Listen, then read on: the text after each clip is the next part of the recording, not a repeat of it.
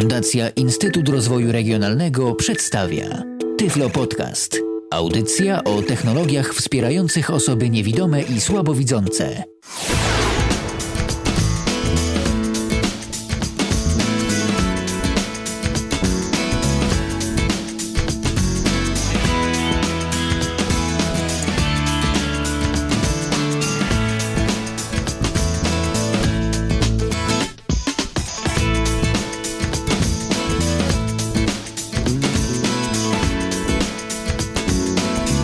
Radio N, słuchacie nas na www.radio.nfm i www.radio.n.pl. Mamy kolejny poniedziałek, minęła godzina 19, oznacza to ni mniej ni więcej, że ponownie spotykamy się z audycją Tyflo Podcast w Radiu N.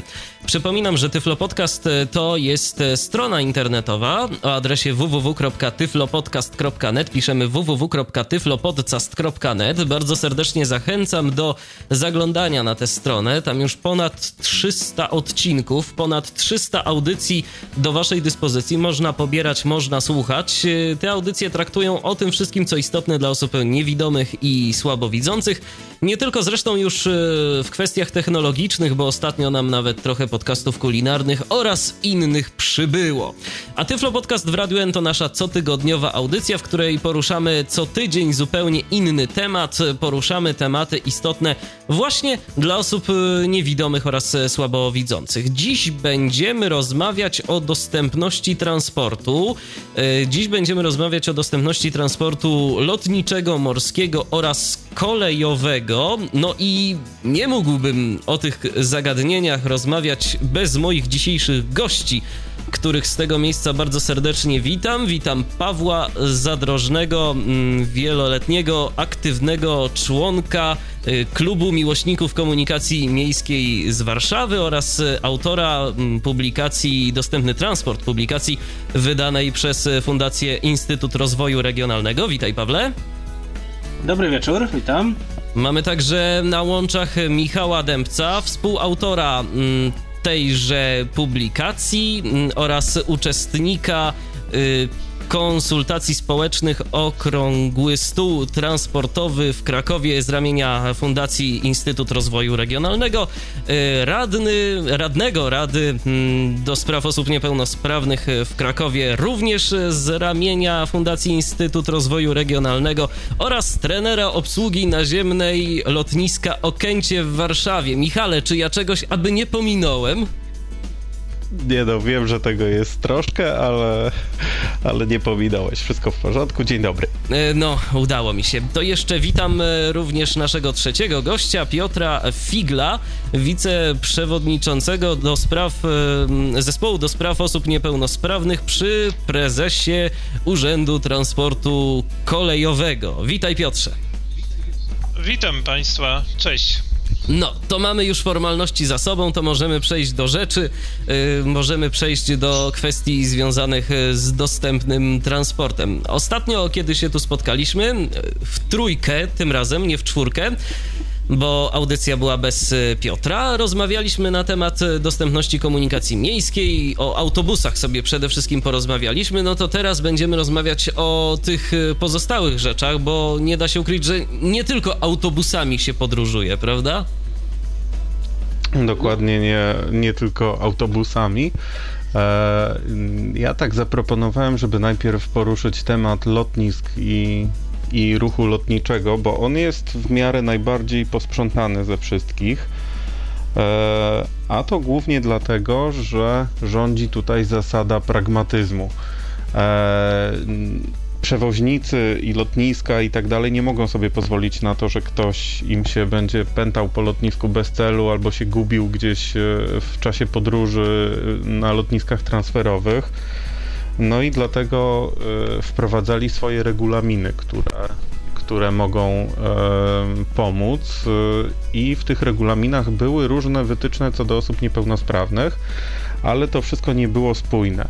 Aż do 2006 roku, kiedy to kiedy to Parlament Europejski i e, Rada Europy e, ustaliła e, rozporządzenie numer 1107 i w tym rozporządzeniu już regulują dokładnie kwestia osób niepełnosprawnych w ruchu lotniczym. No bo rzeczywiście taki mm, ruch lotniczy to jest bardzo zorganizowany. Tam nie ma miejsca na, na to, żeby na kogoś zaczekać, a i tak co jakiś czas się pojawiają informacje, że na przykład jakiś lot zostaje opóźniony albo zostaje przesunięty raz z warunków pogodowych, no a dwa z jakichś innych e, okoliczności losowych, które gdzieś tam, Tylko gdzieś tam się zdarzają. W momencie, kiedy zostanie przesunięty taki lot albo kiedy następuje opóźnienie, to w tym momencie rozbija to ruch lotniczy na kilku innych lotniskach, które oczekują na ten samolot, na inne samoloty, które przez to y, nie mogą o czasie lądować, y, więc to powoduje bardzo duże utrudnienia w organizacji ruchu lotniczego. No i dlatego ten ruch jest najbardziej, najbardziej uporządkowany. Tam procedury rządzą całością tego, co się dzieje na lotnisku i później u przewoźnika. E, dlatego na tysiące podróży, które są dziennie wykonywane przez tysiące samolotów, e, bardzo rzadko słyszymy o tym, że coś jest nie w porządku, że tam jakaś afera jest w samolocie i tak dalej. To, to są naprawdę skrajne przypadki. Najwięcej jest, e, no zdecydowana większość w ruchu lotniczym to są bardzo uporządkowane rzeczy. No, no ostatnio taka afera jakaś większa, która się gdzieś tam pojawiła w mediach, to dotyczyła podróżnych, o ile mnie pamięć nie myli, z Wrocławia, bo okazało się, że po prostu jest zbyt wiele osób e, niewidomych, które chciały się mm, dostać na pokład tego samolotu, no i kapitan odmówił po prostu, odmówił przewozu dokładnie, tej liczby osób. Dokładnie tak.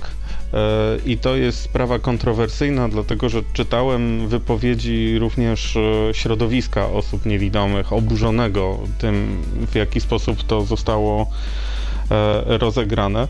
Mnie się również nie podoba sposób natomiast, e, natomiast muszę też powiedzieć, że e, przewoźnik, czyli kapitan samolotu reprezentujący przewoźnika, no miał trochę racji, dlatego że ich wewnętrzny regulamin lotów mówi o tym, że na pokładzie nie powinno być więcej jak dwie osoby niepełnosprawne, dlatego że obsługa tego lotu może w sytuacji kryzysowej nie, mu, nie móc pomóc.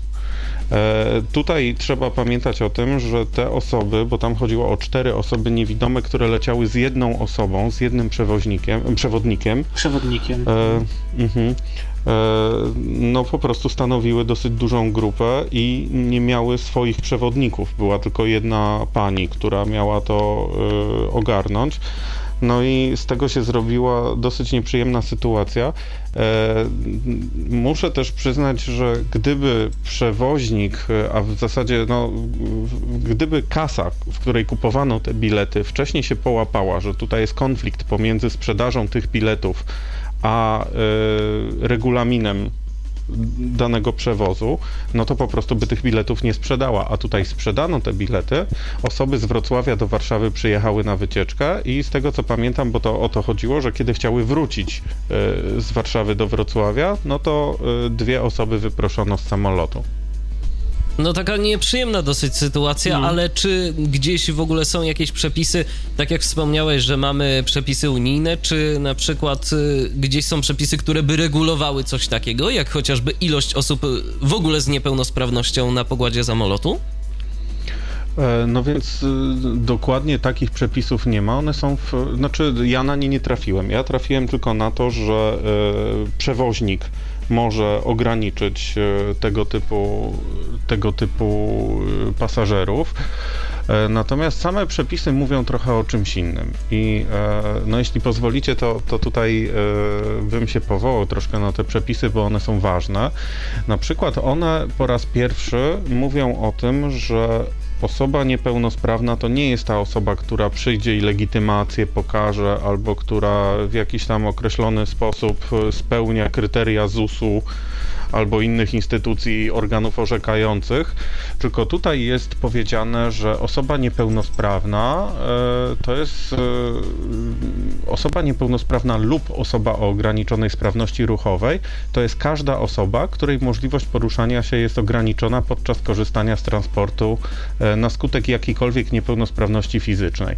Czyli tutaj chodzi o to, że jeżeli osoba sama się czuje niepełnosprawna może korzystać z tych wszystkich rzeczy, które oferują linie lotnicze dla osób niepełnosprawnych. I to jest, e, to jest bardzo ważne. E, tylko, że możemy też tutaj mówić o tym, że właściwie w ruchu lotniczym nie ma specjalnych ulg dla osób niepełnosprawnych, więc. Mówimy jakby... o ulgach finansowych, oczywiście. Tak, tak, więc tutaj jakby mm, organizatorzy transportu i przewoźnicy y, na tym nie cierpią. Może im się cały autobus, ca, cały, cały przewóz zgłosić osób niepełnosprawnych i to nie jest, to nie jest w tym momencie problem. Problemem o ile jest tylko to, te osoby że... wpuszczą na pokład. Tak, bo chodzi o to, że obsługa musi, obsługa jest odpowiedzialna za tych pasażerów, więc e, nie może być tak, że e, że zarzucimy obsługę samolotu pilnowaniem osób niepełnosprawnych. Pamiętajmy też, że ta obsługa dostaje tylko informacje na lotnisku, ile osób niepełnosprawnych wchodzi na, na pokład i mniej więcej jakiego rodzaju są to niepełnosprawności, ale tak naprawdę oni nie wiedzą, jak dużą pracę trzeba będzie wykonać przy tych osobach, bo mogą się spodziewać wszystkiego. Mogą się spodziewać osób e, autystycznych, agresywnych, e, mogą się spodziewać osób e, niewidomych, roszczeniowych, mogą się spodziewać osób na wózkach zupełnie bezładnych i tak dalej, więc no tutaj nie byłbym taki ostry dla przewoźników jeśli chodzi o, o te ich regulacje wewnętrzne. A czy orientuje się Natomiast... któryś z Was, mhm. jak to wygląda, jeżeli chodzi o szkolenie personelu? Bo y, w naszej poprzedniej audycji wspominaliśmy o tym, no, mm, że kierowcy autobusów to jakieś tam szkolenia przechodzą czasem, od czasu do czasu y, ci bardziej zainteresowani.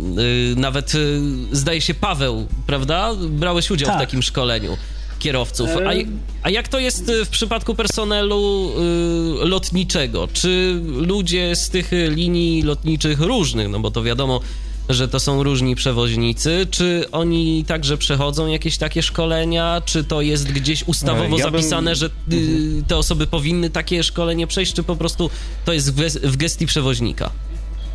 No więc ja bym najpierw e, zaczął jednak od lotnisk, dlatego że e, ta rezolucja bardzo wyraźnie dzieli obowiązki portów lotniczych i obowiązki przewoźników. A pamiętajmy, że podróż nasza zaczyna się tak na dobrą sprawę e, tuż przed lotniskiem, kiedy wysiadamy z taksówki bądź z, autobusu, tak, i idziemy do, idziemy do checkpointu.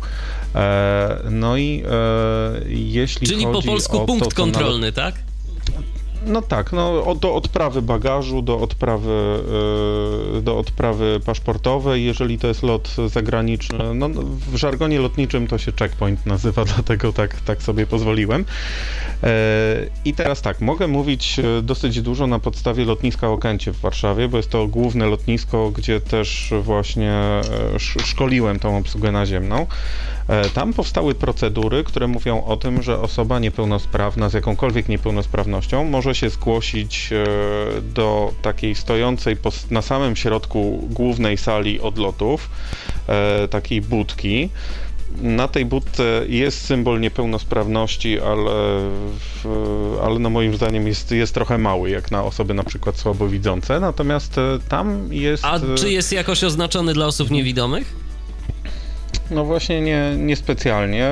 Być może, bo dawno nie byłem na tym lotnisku, być może coś się w tą stronę zmieniło, natomiast no no to jest architektura lotniska. Tam jest wiele różnych problemów typu e, szklane drzwi, szklane ściany, paski różne, które są na środku sali rozłożone jak labirynt, żeby dojść do kontroli, na przykład do, do stawania bagażu i tak dalej. No tam jest mnóstwo barier, ale właśnie ten jeden punkcik po środku sali odlotów może pomóc, bo w momencie, kiedy tam się zgłaszamy, e, obsługa, e, obsługa obiecywała mi, że oni już wypatrują wypatrują od wejścia, czy ktoś nie potrzebuje pomocy, natomiast e, jeśli ktoś do nich podejdzie, to w tym momencie oni mają to bardzo dobrze zorganizowane. Jest e, mniej więcej w tej chwili chyba 16 osób na zmianę, które są dedykowane tylko i wyłącznie dla pasażerów niepełnosprawnych i, i z ograniczoną sprawnością.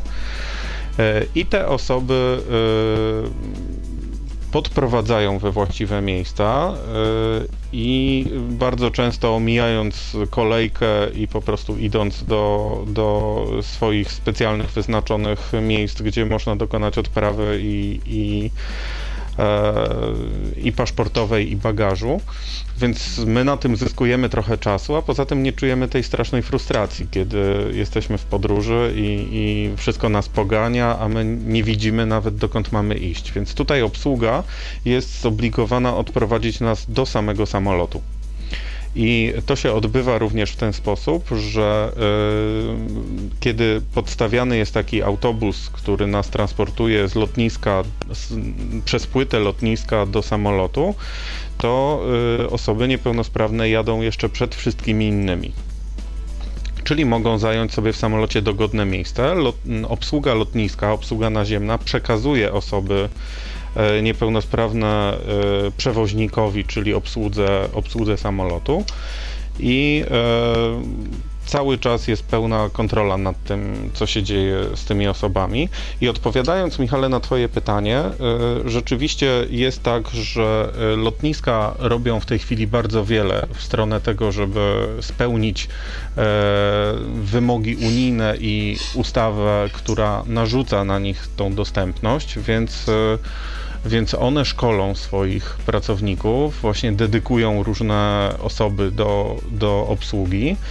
Natomiast e, jeśli chodzi o samego przewoźnika, to nie, nie, słyszałem o tym, żeby w Polsce takie kursy przewoźnicy organizowali dla swojej obsługi, ale też muszę powiedzieć, że obsługa, y, obsługa w samolocie jest w ogóle bardzo dobrze wyedukowana y, z zakresu współpracy z różnymi pasażerami i y, oni nie mają jakiegoś tam szkolenia po dwa dni w roku albo coś takiego. Oni mają w zasadzie y, szkoły są chyba dwu czy trzyletnie, które które w różnych aspektach po prostu na to, edukują. jak się będzie tak, tak. Ja tak, w międzyczasie tak. uruchomiłem naszego radiowego Skype'a o loginie tyflopodcast.net, no i mamy już pierwszy telefon. Witamy Pawła. Hej Pawle.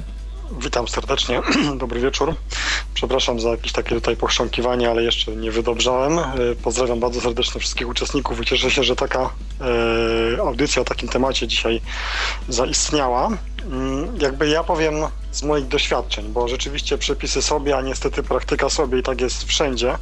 Zdarzają się mniejsze i większe potknięcia, ponieważ dosyć dużo w ostatnim czasie latam, to takie czysto subiektywne mm, jakby opinie z mojej strony płynące, a mianowicie e, ponieważ w ostatnim czasie latałem i liniami tanimi i liniami regularnymi, to zacznę od takiego bardzo pozytywnego przykładu, a mianowicie lecąc niecały miesiąc temu z Teneryfy do Madrytu hiszpańskimi liniami, z tym, że nie była to Iberia, czyli narodowy przewoźnik, tylko jakieś tam inne linie lotnicze, ale były to linie regularne. Po tym, jak zostałem przez asystę doprowadzony do e, swojego siedzenia, zapytano mnie, czy chcę otrzymać informacje o e, sytuacji związanej z sytuacjami zagrożenia, jak, jak postępować w Brailu. Było to bardzo pozytywne. E, także pierwszy raz mi się coś takiego zdarzyło, mimo tego, że wcześniej latałem już kilkunastokrotnie. Także jak widać, w tym względzie również dosyć często są e, przygotowani na takie sytuacje. Co się tyczy w moim odczuciu szkolenia e, personelu pokładowego i tak dalej, i tak dalej. Wydaje mi się, że tak naprawdę w dużej mierze to niestety jest też e, czynnik czysto ludzki, to znaczy mam na myśli to, że czasami, szczególnie przy lataniu tani, tanimi liniami, no niespecjalną zwraca się uwagę na osoby niepełnosprawne, przekonałem się już o tym. W sensie nie to, że się je ignoruje czy coś takiego, ale powiedzmy sobie, że po tym jak się je doprowadzi do miejsca, to zainteresują się dopiero nimi już po wylądowaniu. Więc tutaj ten jakby czynnik empatyczny jest bardzo istotny. Co do samych lotnisk, ponieważ może nie wszyscy latają, ja no, podejrzewam, że dlatego właśnie dzisiaj yy, Michał jakoś nie wziął mnie pod uwagę, bo mógł gadać długo, a wiadomo, że wszyscy chcą zabrać głos, więc postaram się tak szybciutko, ponieważ nie, nie wszyscy latali, jak to mniej więcej wygląda. Niestety nie zawsze jest możliwość takiego, ponieważ na lotniskach panuje duży ruch, że zostaniemy wypatrzeni. Każde lotnisko, nawet takie typowo regionalne porty jak u nas w Polsce, ma numer telefonu y, dedykowany osobom niepełnosprawnym. W trakcie podróży na lotnisko czy przed podróżą można zadzwonić, powiadomić, że taka osoba będzie i na najbliższy przystanek autobusowy czy, czy do samego wyjścia terminala ktoś po nas podejdzie, więc tutaj nie ma się w ogóle co obawiać. Y, Pawle, to zapytam od razu, gdzie można szukać takich numerów? Tylko i wyłącznie na dobrą sprawę strony lotnisk. Nie widziałem, żeby to było gdzieś zebrane, a trochę szkoda. Natomiast muszę przyznać, że pomijając kwestie rozkładów lotów, czy jakby tablit informacyjnych o odlotach i przylotach, które nie do końca są dostępne, o tyle ta zakładka niepełnosprawni, czy coś takiego, y, bo wiadomo, że to się tam w różnych sytuacjach troszeczkę różnie nazywa, w wypadku różnych portów lotniczych, jest y, zawsze dobrze oznaczona i to wszystko jest w pełni czytelne. I to nie jest tylko informacja o numerze telefonu, ale o prawach i jakby obowiązkach pasażera niepełnosprawnego, który z danego portu lotniczego chce lecieć. Czyli po prostu już wtedy nie szukamy na stronie konkretnego przewoźnika, na stronie linii, tylko wpisujemy sobie w Google, jak już wiemy skąd lecimy i dokąd lecimy, no to wpisujemy sobie w Google informacje na temat jednego i drugiego lotniska i wtedy już się bezpośrednio tam dowiadujemy co i jak. Tak, zgadza się, przy czym powiem jeszcze, że z reguły jest to w takich, już po wejściu na stronę e, portu lotniczego, jest to, e, nie powiem, że może jeden z pierwszych linków, ale w jakimś głównym menu, więc e, przy, po tym, jak zostaniemy już, e, że tak powiem, przez osobę asystującą zgarnięci, wszystko odbywa się bardzo sprawnie. Dosyć często jesteśmy poza wszelką kolejnością przepuszczani i gdzieś tam z boczku doprowadzeni do samolotu. Tutaj, jeśli chodzi o check-in, czyli powiedzmy sobie odprawę, a przede wszystkim kontrolę bezpieczeństwa, wygląda to najczęściej w ten sposób. Oczywiście ja cały czas jakby w odniesieniu głównie do osób niewidomych.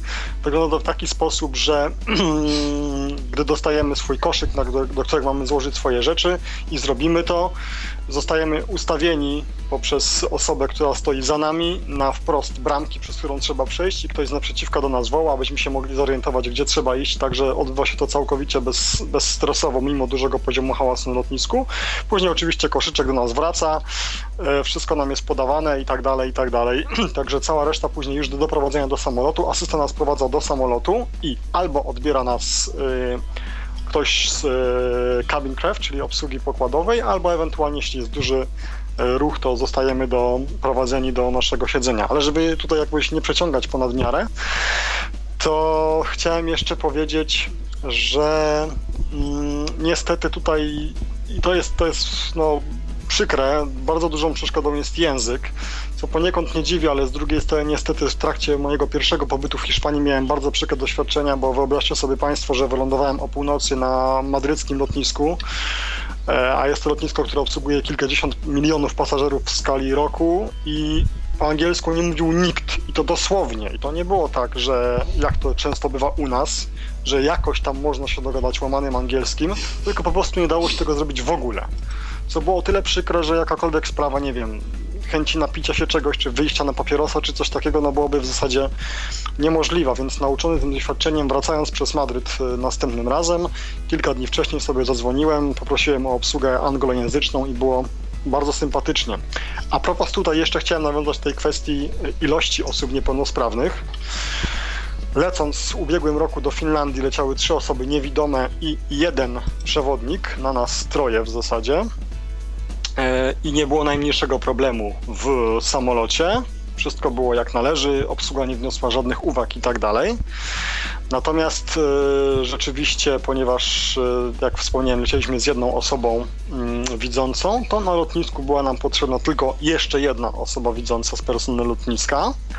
Natomiast właśnie w Hiszpanii tak się złożyło, że gdy zostałem przez asystę podprowadzony do gate'u, z którego, czyli do bramki, z, którego, z której się wchodziło do mojego samolotu, okazało się, że leci jeszcze jedna pani na wózku inwalidzkim i została poproszona jeszcze jedna osoba, tak aby każdy miał swojego asystenta po, um, przy okazji wejścia do samolotu.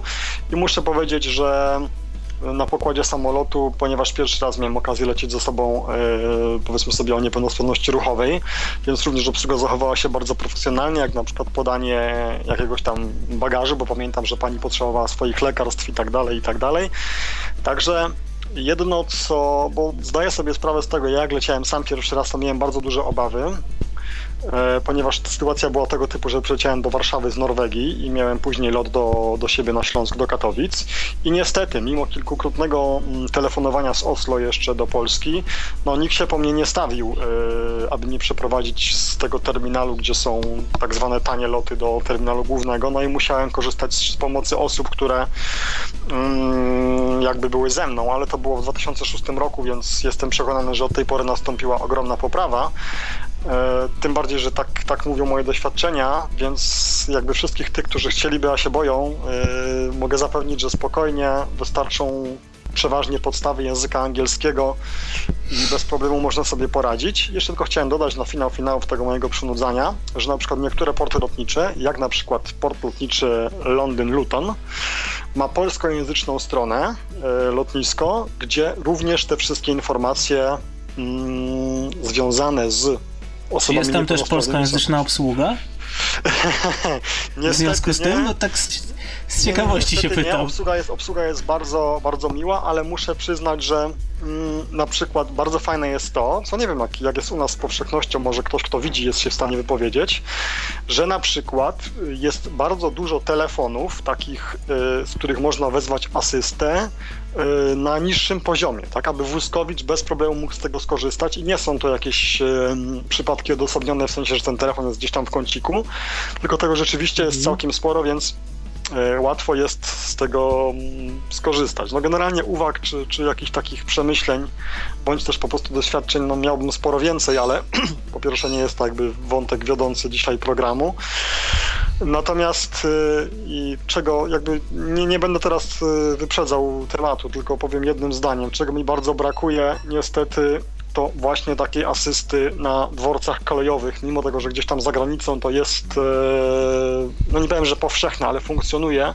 Niemniej jednak z tego, co mówili mi różni ludzie, głównie osoby niewidome, to w porównaniu z tym, jak to funkcjonuje na lotniskach, to na dworcach kolejowych to funkcjonuje to fatalnie, ale pewnie jeszcze będzie okazja jakoś tam o tym powiedzieć.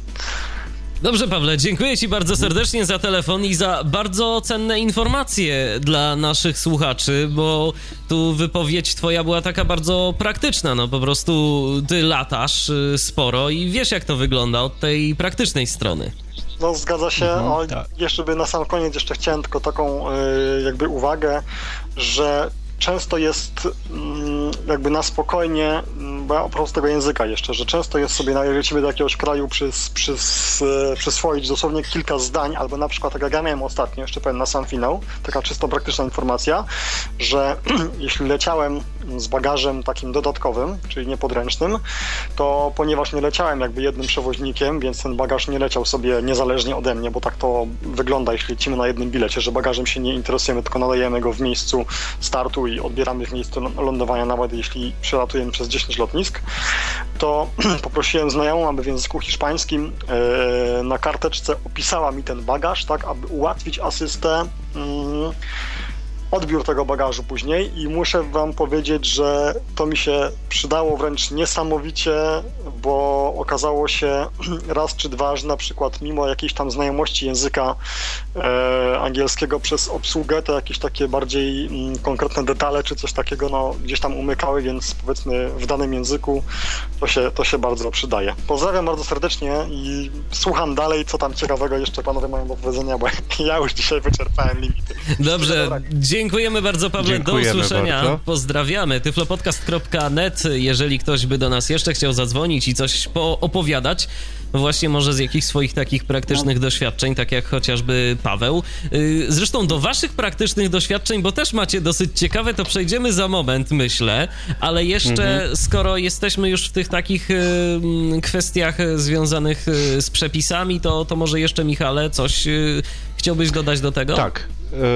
Ja się oczywiście zgadzam z tym, co, co przed chwilą usłyszeliśmy, że rzeczywiście wszystko jest kwestią tego, jak ludzie do tego podejdą. Natomiast e, to też pokazuje, ten, te przykłady podane, że jednak ten ruch lotniczy stawia dużą wagę na to, żeby były jakiekolwiek procedury i tutaj, e, jeżeli chodzi o tą e, rezolucję, o to rozporządzenie Parlamentu Europejskiego, to tutaj jest dokładnie powiedziane tak, że obsługa ma obowiązek zapewnić osobie niepełnosprawnej prawo do zgłaszania swojego przybytu do portu lotniczego i żądania otrzymania pomocy w wyznaczonych punktach wewnątrz i na zewnątrz budynków terminalu.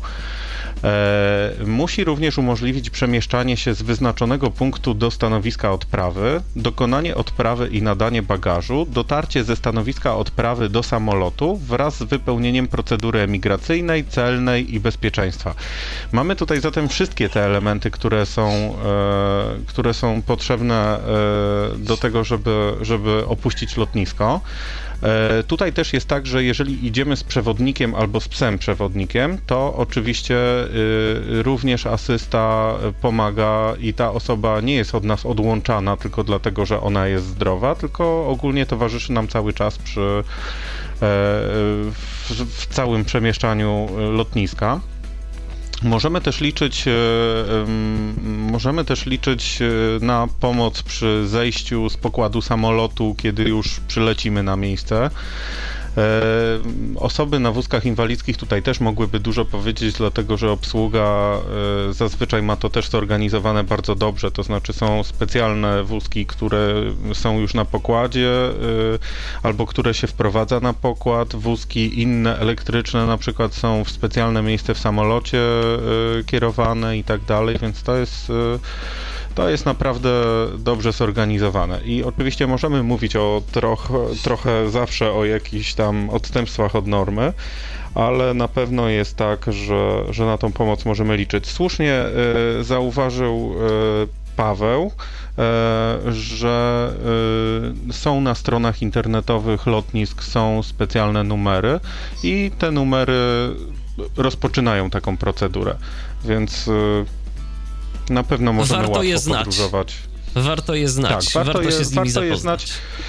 Warto się skontaktować z obsługą wcześniej, choćby dlatego, żeby uniknąć stresu szukania, y, stania w kolejce na przykład, albo cokolwiek takiego. Obsługa, obsługa pomoże łącznie z tym, że y, z samochodu czy z autobusu, którego przy, którym przyjechaliśmy na lotnisko, to pomoże też z bagażem i tak dalej, więc nie bójmy się tego, spokojnie możemy liczyć na pomoc i, i na większości lotnisk taką pomoc otrzymamy. A propos tego bagażu, to przeglądając sobie e, strony internetowe, bardzo ciekawe rzeczy można mhm, wyczytać, jeżeli chodzi o, o bagaż, bo zastanawiam się, kto pisze regulaminy i kto podaje tego typu przykłady, bo y, nie wiem, czy y, kiedyś czytaliście regulaminy y, lotnicze pod, przewoźników odnośnie tego, co, wol, co wolno, a czego nie wolno zabierać na pokład. No, taki króciutki przykład. Otóż na pokład, teraz może się ktoś zmartwić, ale na pokład nie wolno zabierać na przykład te rzeczy, których nie wolno zabierać to kusze, katapulty, y, harpuny i kusze podwodne, y, urządzenia do uboju zwierząt, y, urządzenia do ogłuszania, dokładnie, miny, nie można zabierać trutek na szczury, pastuchów elektrycznych. przeciwczołgowych. Dokładnie, pastuchów elektrycznych nie wolno zabierać. Mm, co tu jeszcze mamy z takich ciekawych rzeczy? Kastetów nie wolno y, zabierać. O, tyczek do ryżu nie wolno też zabierać ze sobą mm, w trakcie lotu. No nie wiem jak wy, ale ja minę, minę y, morską zawsze jednak nadaję pocztą, żeby nie mieć problemu. Ja też, ja Daygelem. No cóż, jeszcze, jeszcze, jeszcze, takich, jeszcze takich rzeczy jak Kuba Soundy na przykład nie można zabierać, to jest też zdaje się jakieś, jakaś taka mm, broń. Y, o, ale to jest ciekawe, słuchajcie, zestawy narzędzi do naprawy samochodów. Tego też nie wolno zabierać. O. No. Ale patrzyłem, ale kiścienie i buzdygany można na przykład. No właśnie, nie no, no, nie jest wyszczególniona, nie jest wyszczególniona, tylko bardzo ciekawe przykłady to są, ale tak już o teraz... kolczastym też nic nie, nie no. Zgadza się. Ale tak już poważniejąc teraz, no to słuchajcie, jeżeli mówimy o tym wszystkim z perspektywy osób niewidomych, to taka biała laska, to też może być z nią problem. Mhm. No i właśnie jest tak, że kiedy przechodzisz przez bramkę, to powinieneś wszystkie rzeczy odłożyć do tego koszyczka, łącznie z białą laską. no ale to nie jest zawsze pilnowane na lotniskach i czasami możesz przechodzić z białą laską, to, to spotkałem się z różnymi sytuacjami. Natomiast e, ogólnie, kiedy ktoś widzi e, białą laskę, no to podchodzi do tego też z taką, e, no że to jest osoba niepełnosprawna, to nie będziemy jej tam jakoś robić strasznie rewizji osobistej i, i, w ogóle kazać kucać i kasłać, to, to, to jest osoba niepełnosprawna, dajmy jej spokój. E, no i ja się oczywiście z tego cieszę, natomiast e, no, laska sama w sobie też może być śmiercionośną bronią i trochę mnie e, bawi, kiedy słyszę, że na przykład nie można obcinacza do paznokci wziąć do swojego podręcznego bagażu albo jakichś tam innych rzeczy. No, to jest taka trochę nadgorliwość moim zdaniem. A jeszcze inny problem był taki, że po World Trade Center e, narzucono e, ograniczenia, że nie wolno płynów zabierać do samolotów, że największa, największy jaki jest możliwy pojemnik z płynem, który można wziąć do bagażu podręcznego, to ma tam chyba 100 albo 120 ml i musi być w specjalnej folice zapakowany. No i ja tutaj miałem dosyć e, zawsze problem, tłumacząc e, po co mi e, różne fiolki, a w tych fiolkach trzymam płyny do soczewek, które wysychają w czasie lotu i muszę je po prostu zdjąć, namoczyć i założyć z powrotem. No i na początku miałem kilka takich podróży, że pytano mnie, co to jest i, i do czego to służy i tak dalej. Natomiast no, dzięki Bogu przepuszczano ale no to jest taka światowa paranoja po atakach terrorystycznych, że już się boimy po prostu wszystkiego.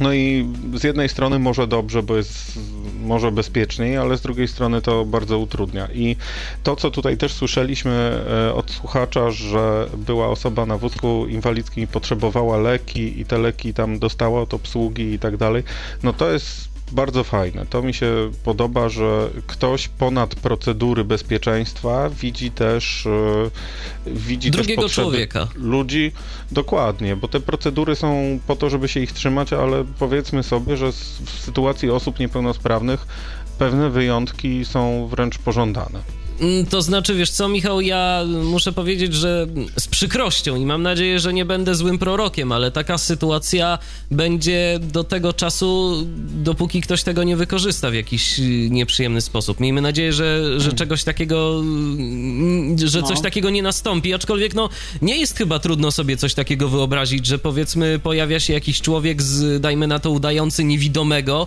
a w tej białej lasce ma jakieś tam, nie wiem, ostrze gdzieś, czy, czy dokładnie, czy czy, czy coś. No, albo, albo pokazujemy osobę, która ma aparat słuchowy za uchem, prawda, i tak dalej, a to jest jakieś zmyślne urządzenie zakłócające w ogóle e, działanie urządzeń pokładowych i tak dalej. No tak, no mo możemy sobie wyobrazić bardzo wiele różnych takich scenariuszy rodem z filmu sensacyjnego z Segalem, ale e, no ludzie podróżują i będą podróżować. I mamy telefon, mamy im większe telefon. bariery, tym... Mhm.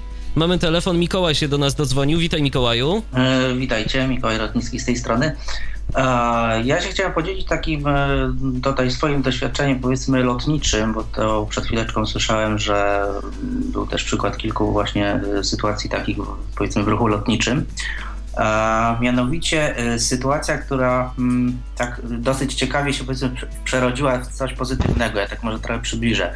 W zeszłym roku w listopadzie, właściwie w październiku, listopadzie miałem okazję y, lecieć z mm, dwójką przyjaciół, z czego jedna osoba, druga, y, znaczy dwie osoby, ja i jeszcze jedna osoba, ale trzecia osoba była widząca, ale dwie osoby były słabowidzące.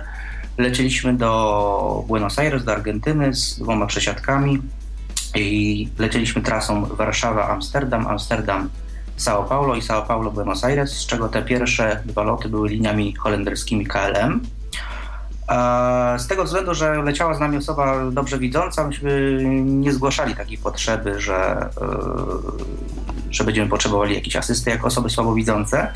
Natomiast e, pierwszy problem się pojawił na lotnisku w Warszawie, gdzie okazało się, że w liniach KLM, mm, tam na stanowisku trzeba odprawić się samodzielnie przy takim specjalnym e, monitorze dotykowym. No niestety z mojej perspektywy osoby słabowidzącej e, było praktycznie to niewykonalne, ponieważ no nieodpowiednie kontrasty, nieodpowiednia wielkość czcionki i zgłosiliśmy to akurat do, do obsługi KLM i odprawili nas powiedzmy, jak to się mówi, ręcznie, czyli ta osoba nas odprawiła, ale była troszeczkę zdziwiona, że nie było zgłoszone wcześniej, że są osoby niewidome. E, natomiast e, to zgłoszenie tutaj w, w tym miejscu przez tą, e, przez tą osobę i zaznaczenie przez nią na, na chyba tym formularzu, czy gdzieś w komputerze, że są osoby niewidome, czy właściwie słabowidzące, zaskutkowało tym, że zarówno na trasie Warszawa-Amsterdam, jak i Amsterdam-São Paulo w liniach KLM stewardesa do nas podeszła i zaoferowała właśnie, właśnie pomoc. Zapytała się, czy, czy, czy będzie potrzebna pomoc y, przy przesiadce, a na tej trasie bodajże z Amsterdamu do y, São Paulo nawet podała nam napisaną w Braille'u y, instrukcję bezpieczeństwa samolotu, także tutaj taki dosyć W jakim pozytywny. języku była ta instrukcja e, jeżeli, jeżeli dobrze pamiętam, to, to po angielsku. No to, to dobrze, bo przynajmniej była większa szansa, że się wszyscy rozczytają, bo też to mogło być y, z tym różnie. No dobrze, Mikołaju, bardzo... Ja chciałem jeszcze jedno, o, o właśnie, jeden słuchamy, słuchamy. temacik jeszcze, bo nie wiem, czy było y, wcześniej na ten temat mówione, bo się dopiero niedawno włączyłem do audycji. E, czy było coś mówione na temat, e, bo też wiem tutaj, że Michał Dębiec jest jednym z jednym współprowadzących audycję i wiem, że uczestniczył w czymś takim w Krakowie jak e, Okrągły Stół Transportowy.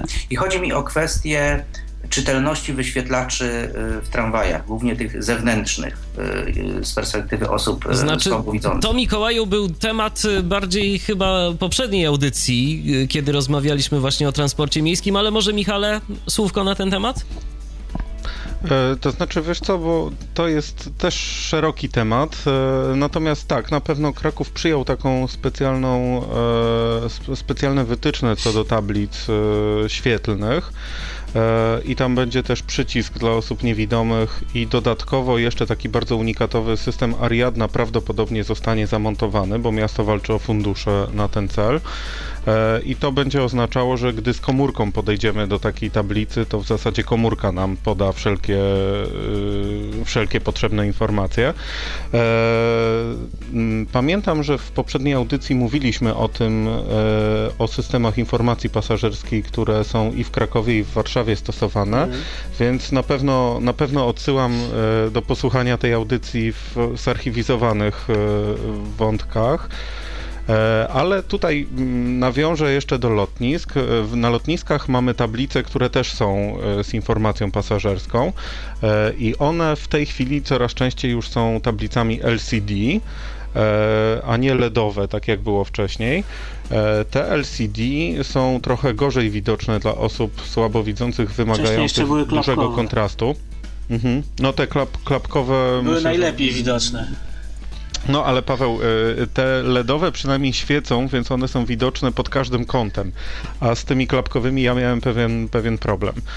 E, natomiast te tablice e, LEDowe, które są e, nawet ogromne, na lotnisku Orly w Paryżu jest, nie, na lotnisku de Gaulle'a w Paryżu jest taka ogromna tablica, no to one są naprawdę nieźle widoczne nawet przy bardzo dużym uszczerbku wzroku. Technika LED jest po te... prostu w ogóle najlepsza dla nas, tak mhm. naprawdę. Natomiast te LCD, które się pojawiają, albo ekrany, monitory po prostu, które, które wyświetlają informacje, no to one są trochę gorzej widoczne, Chociaż e, ja się spotkałem z tym, że większość prezentacji jest jednak robione w sposób e, e, w sposób kontrastowy, to znaczy rzeczywiście raczej stosuje się ciemne tła i jasne litery i to dosyć duże, także jest z tym trochę większy problem niż z tablicą LEDową, aczkolwiek aczkolwiek da się to przeczytać. No, przy, przynajmniej ja potrafię, a mam bardzo duży uszczerbek widzenia, więc. No to miejmy nadzieję, Mikołaju, że odpowiedzieliśmy, że odpowiedzieliśmy na Twoje pytanie, bo Jasne. wróćmy. Wróćmy może, wróćmy może do, do naszego tematu. Pozdrawiamy, do usłyszenia. Można oczywiście dzwonić do nas. tablicami, jeśli, jeśli O właśnie, Piotr się włączył. Jest y, na kolei podobny syndrom, ponieważ lot, na lotniskach jest tak, że rzeczywiście są kontrastowo podawane te treści, te informacje, natomiast na kolei jest specyfikacja TSI e, i wszelkiego rodzaju nośniki informacji klapkowe czy też diodowe wymieniane są na ekrany, na ekrany LCD, które są kiepsko widoczne. I, Bardzo kiepsko. I to, to jest, na ciemno-niebieskim tle jasno-niebieskie litery najczęściej. To no, jest w ogóle dla mnie niewidoczne zupełnie białe litery na ciemno-niebieskim tle. No tak. No. Tak, jest, tak jest w Krakowie. Fatalne. Natomiast w Warszawie y, jest jeszcze gorzej, dlatego że stare tablice klapkowe zostały zamienione na, na te nowe e, formy prezentacji w postaci tych ekranów e, LCD i tamten tło jest dużo, dużo, dużo jaśniejsze, także litery się zlewają z tłem. I literki ale... te są mniejsze niż były wcześniej. Na tak, ale przede wszystkim no, niebieskie tło, jasno niebieskie litery to jest fatalna rzecz. To jest coś kompletnie niewidocznego. Ja przypominam, no, że w dzisiejszej audycji rozmawiamy o dostępności transportu. Jak na razie sobie latamy samolotem, to teraz polecimy sobie samolotem muzycznie y, na moment, a ja przypominam, że można do nas również dzwonić tyflopodcast.net. To jest nasz skype'owy login w Tyflopodcaście w Radiu N. Wracamy do Was już za chwilę.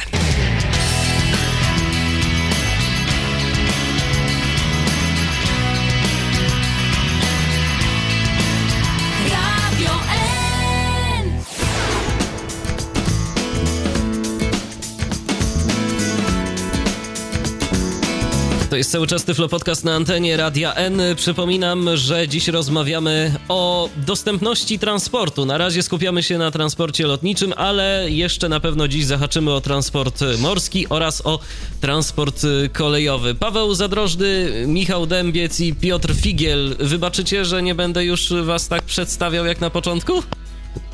Wybaczcie. Są dziś moimi gośćmi.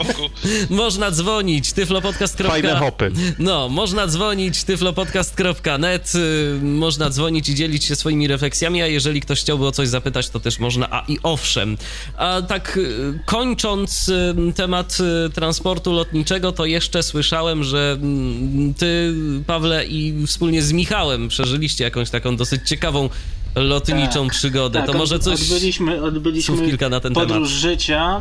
E, mianowicie lecieliśmy na e, spotkanie pierwsze młodzieży z e, chorobami siatkówki Retina Europeów, takie organizacyjne, które się odbywało w Atenach w 2000 roku.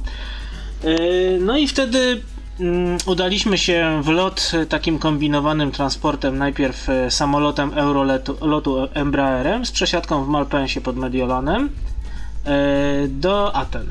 I powrót był identyczny. No i otóż oczywiście mieliśmy bilety wykupione, dosyć zresztą drogie, e, z wpisaną e, asystą. No i asysta wyglądała mniej więcej tak, że w pierwszą stronę na Okęciu nie mieliśmy żadnej asysty. W samolocie lotu, Eurolotu wtedy chyba, E, wsparto nas tylko tyle, że zapytano jest, się nas, czy nam nic nie potrzeba, ale to w zasadzie była chyba taka obsługa ogólna po prostu. Natomiast bardzo ciekawa sytuacja nas spotkała na Malpensie. Otóż na Malpensie wyprowadzono z samolotu, po czym pani powiedziała, że do nas za chwilę wróci i znikła. I już się nie pojawiła. Ale, ale jeszcze tutaj dodam, że do ale... takiego specjalnego miejsca nas zaprowadziła, gdzie y, siedziało ileś osób, takie miejsce wydzielone z ogólnej sali, gdzie siedzieliśmy i był tam jakiś kiosk, gdzie można było kupić sobie drożdżówkę i kawę i wodę. I myśmy tak siedzieli i mieliśmy chyba 4 godziny. godziny. no 3 godziny do kolejnego 3, lotu. No 3 z hakiem, no. No i pani powiedziała, że tu mamy siedzieć i ktoś po nas przyjdzie. Tylko, że no pani była Włoszką, e, my, nasz poziom angielskiego był o niebo wyższy niż pani Włoszki, więc pani powiedziała mniej więcej e, tu siedzieć, e, tu siedzieć, ktoś przyjść. No więc tak siedzieliśmy. No. I ktoś przyjść? No właśnie i nikt nie przyjść. Nie. I my tak patrzeć o to i zobaczyć, problem. że i, i, zobaczyć i usłyszeć, że samolot e, do Aten, który, który mieliśmy lecieć, czyli Alitalia, wspaniałe linie lotnicze, ale to zaraz opowiem jak to wyglądało, e, odlatuje za chwilę. I właśnie e, checkpoint number bramka 52 e, która była 48 bramek od tego miejsca, gdzie my byliśmy, czyli gdzieś na drugim końcu terminalu. Tak, tam, e, tam cztery były za... takie wielkie terminale i lecieliśmy z tam chyba drugiego na czwarty, a to takie ogromne, to naprawdę to, to jak kilka naszych lotnisk Chopina, no. tak. No i tak biegliśmy, biegliśmy. Udało się w ostatniej chwili dobiec. Po prostu wszyscy byli zdziwieni, e, że dlaczego my w ogóle się spóźniliśmy i jakim prawem skończyliśmy 3 godziny na przesiadkę, nie? No ale dobrze, udało się. No i dalej dolatujemy do Aten. I w Atenach miała na nas czekać asysta. No oczywiście hmm, asysty nie było na lotnisku, więc e, rozglądamy się tak, szukamy człowieka, który ma nas odebrać i zawieźć e, do centrum. No i oczywiście... I są trzy wyjścia, trzy wyjścia tak, z sali głównej są, są trzy, nie ale, wiemy, którym ale, wyjść. Ale żeby było śmieszniej, yy, Grecja jest bardzo cywilizowanym państwem, znaczy wtedy była w roku 2000 bardzo cywilizowanym państwem, które uważało, że ma starożytną kulturę i starożytny piękny język, który każdy musi znać. W związku z czym całej, na całej sali, nigdzie, na hali odlotów i przylotów, nie było żadnej informacji w innym języku niż grecki. Mimo, że myśmy widzieli, to kłopot był taki, że alfabet grecki jest do niczego niepodobny. No oprócz może, nie wiem, twierdzeń matematycznych. Więc to, co niektórą literę dało się rozpoznać, ale nie dało się z tego nic sensownego Jakąś złożyć. alfę lub betę. I, no tak, tak i dokładnie wtedy, tak to i wyglądało. Wtedy człowiek, człowiek, który na nas czekał, Stratis Hadziharalabus, e, zaniepokoił się, że długo nas nie ma, więc poprosił tam w informacji, żeby nas wywołano. A myśmy tak stali na tej sali i dopiero po trzecim razie, kiedy trzeci raz nas wywołano, ja mówi, wiesz co Paweł, to chyba do nas jest w ogóle. A e, nasze nazwiska wymówiono w taki jakiś sposób, że pan Cadrocki i Tibek mają trafić gdzieś tam. No a my, Zadrożny i Dębiec, po prostu stoimy i czekamy o co chodzi. A żeby było jeszcze śmieszniej, to naprzeciwko myśmy widzieli tego Stratisa biednego, który trzymał kartkę przed sobą, ponieważ Tylko nie umieliśmy była relatywnie mała i, i, i poza tym dziwnie była jakaś napisana, no ale generalnie się udało. Natomiast powrót był chyba jeszcze ciekawszy, gdyż yy, Stratis nas odwiózł samochodem, znaczy nie on, tylko jakiś tam jego znajomy. E, no i dostaliśmy asystę. No i pani yy, taka greczynka, przesympatyczna zresztą, w wieku trolejbusowym, czyli tak 50 plus, nie, nie znała żadnego języka. To znaczy nam się wydawało, że żadnego, oprócz greckiego. No więc przetestowaliśmy po kolei najpierw Michał, tam do you speak English, no nie, nie, prawda, e, parlez-vous français. No, Deutsch. Tak. Ja mówię sprechen Sie Deutsch, nie, nie, nie, i tak się męczymy, męczymy i w końcu mi przyszło do głowy paruski gawaricie? Ona, da, da, niemnożka. No i się udało, także okazało się, że jeszcze to było w czasach, kiedy, kiedy uczono rosyjskiego w szkołach. Prawda, socjalizm był, był dobry w Grecji wtedy. E, także udało nam się dogadać. No i na szczęście w Malpensie, co było najprzyjemniejsze, mieliśmy w drugą stronę bardzo przyjemną obsługę, kompetentną, i, I tam rzeczywiście mieliśmy obsługę taką, że zostaliśmy odprowadzeni do tego miejsca. Oczywiście znowu czekaliśmy w tym miejscu i nie mieliśmy się nigdzie ruszać, ale wtedy już nas odebrano za drugim razem. Mhm. No, no to tyle dobrego. Oczywiście, w, w, Warszawie oczywiście nikt już nie pamiętał o żadnej asyście i tak dalej. Nie, nie, nie. To są problemy, które to są problemy, które w tej chwili wyeliminowały te przepisy i wewnętrzne procedury, no ale w 2000, w roku 2000 tak wyglądała nasza podróż i no śmialiśmy się trochę, ale czasami to z takim ale przestrachem. To było no. trochę straszne, prawdę powiedziawszy. Ale to jeszcze opowiem taką ciekawostkę, już w ramach zupełnej prehistorii, że w roku 1987 Szybko, bo słuchacz czeka. Kiedy ja byłem w podstawówce, to udaliśmy się z wycieczką szkolną, e, dwoma klasami, chodziłem do szkoły na Koźmińskiej, czyli dla osób słabowidzących. E, udaliśmy się dwoma klasami, czyli było dwadzieścia kilka osób, e, dzieciaków, plus dwóch nauczycieli. I nie było żadnego problemu, żeby tych dwóch nauczycieli opiekowało się dwudziestoma kilkoma osobami słabowidzącymi. To tak a propos, te, a, propos, a propos tych problemów, kiedy pojawia się y, czwórka niewidomych. Mamy telefon, Wojtek tak. tym razem się do nas dodzwonił. Wojtku, czekasz, czekasz, ale się doczekałeś. Witamy serdecznie. Cześć, słychać mnie? Słychać głośno i wyraźnie. Dobrze. Bardzo dobrze. E, ja w sprawie tego transportu lotniczego, ja mam dość bogate doświadczenie podróżne, e, jeśli chodzi o latanie po Europie i nawet nie tylko. I muszę powiedzieć, że e, z dumą chyba możemy powiedzieć, że jedno z najlepszych obecnie lotnisk, jeżeli chodzi o obsługę e, osób niewidomych przynajmniej, to jest lotnisko Okęcie. Tam jest no, teraz... Wiemy dzięki komu, no. Dziękuję, Proszę? dziękuję. Wiemy dzięki komu, no. No tak. Oni wyszkolili 30 osób, bodajże współpracowali z integracją. E, w tym względzie tu też integracja z nimi współpracowała. Nie wiem, jakie są tego kulisy, natomiast e, jest obsługa profesjonalna, szybka, sprawna. Ci ludzie są naprawdę czasem skłonni do dużych takich poświęceń. Mi się zdarzało na przykład przychodzić po czasie zamknięcia gate'a yy, i wtedy lądowałem nawet czasem pierwszy na pokładzie. Tylko że do tego sportu trzeba być cierpliwym. Bo często jest tak, że trafiasz na pokładzie owszem pierwszy, ale później wychodzisz ostatni. No i zasada jest oczywiście yy, pierwsza, na którą yy, też czasem mi się, czas, raz mi się udało pośliznąć, to znaczy nigdy nie wychodzić bez asysty. Nigdy nie opuszczać pokładu samolotu bez asysty, bo jeżeli to zrobisz, to później niestety jest, e, jest bardzo trudno do tej asysty się dopchać. Ja osobiście nigdy nie zgłaszam w ogóle potrzeby asysty, po prostu przychodzę na lotnisko i pierwsze co mówię, to po prostu mówię, że potrzebuję, potrzebuję wsparcia i to załatwia jakby problem. I tu właśnie z taką samą refleksją y, napisał Piotr jakiś czas temu, y, że w Finlandii zrobił podobnie, czyli po prostu podszedł do pierwszego stanowiska i y, powiedział, że, że jest taka potrzeba. To znaczy, no, jest to, Ja pew, tak jest to, jest to pewnego rodzaju rozwiązanie, aczkolwiek tak sobie myślę, że możemy wtedy natrafić na jakieś niekoniecznie przyjemne niespodzianki, bo po prostu ludzie mogą być y, troszeczkę zdezorientowani. No ale jeżeli Znaczy, się udaje, tak. to... Y, Nawet w Hiszpanii nie natrafiłem na żadne nieprzyjemne niespodzianki, a Hiszpania jest y, chyba jednym, i w szczególności wspominałem tutaj przed kilkudziesięcioma minutami lotnisko Barajas. To jest, jeśli chodzi o osoby przynajmniej niewidome, nie wiem jak inne niepełnosprawności, to jest koszmar. To jest straszne. Jeszcze dobre lotniska to są e, Charles de Gaulle i Frankfurt. No tam nawet mam takie wózki elektryczne, to jest rzeczywiście, no mam taką, taką, taką poczekalnię, tam rzeczywiście jest no jakiś telewizor, coś można zjeść, wypić. Yy, Zurich chyba też pod tym względem jest bardzo dobry, ale ogólnie naprawdę Warszawa wypada bardzo, bardzo dobrze i to są przyjaźni, kompetentni, młodzi ludzie, którzy ci pomogą i czasem doprowadzą cię nawet, nawet pod sam autobus 175. Nawet, yy, nawet czasem nalegają, że nie, nie, ma, nie ma sprawy, my tutaj yy, pomagamy i nie będzie problemu, jeżeli pana doprowadzimy. Także, yy, także to jest zdecydowanie tak i naprawdę, ja nie miałem żadnych nieprzyjemności. Jeżeli chodzi o Hiszpanię, to jest problem językowy. Ja na szczęście język hiszpański bardzo dobrze znam, więc nie, ma, nie mam tego problemu, ale widziałem wiele razy.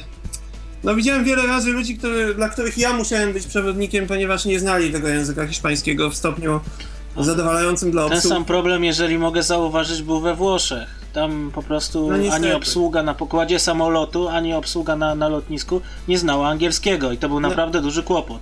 Natomiast Nie znali też żadnych innych obcych języków. Wezer, Eleftherios, czy jak to tam się nazywa w Atenach, to nowe lotnisko, które zostało otwarte bodaj w 2000, bodaj w 2000 roku, to jest sprawa taka, że tam jest asysta dobra, przynajmniej z tego co ja latałem do Grecji, nie wiem, dwa czy trzy razy tam byłem, korzystałem z ich, z ich usług, jest, jest w porządku, też Ankara jest dość dobra, e, a natomiast bardzo ciekawą sytuacją spotkałem się w Wenezueli, gdzie też byłem e, raz, e, gdzie zupełnie, e, i zresztą z tą samą sytuacją spotkałem się w Madrycie, co, co dziwne, oba kraje hiszpańskojęzyczne, w obu krajach potrafiłem wyjaśnić o co mi chodzi, w obu krajach dostałem e, zupełnie bez potrzeby wózek inwalidzki.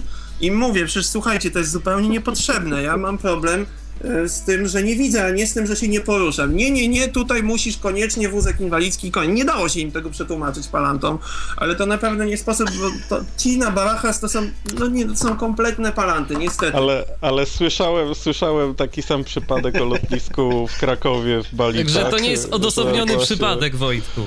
Tak, Tak, tak. że skoro jesteś niepełnosprawny, to masz jeździć na wózku. Na no. wózku, no Jest, dalej, dalej to pokutuje, podejrz, podejrzewam, ten stereotyp. Zresztą, no przecież wózek to jest chyba w ogóle jakiś taki symbol niepełnosprawności. Kiedy jest jakieś oznaczenie yy, no czegoś dla niepełnosprawnych, to jest wózek. Poprawcie mnie, jeżeli się mylę. No No właśnie. niestety, no tak jest. No niestety.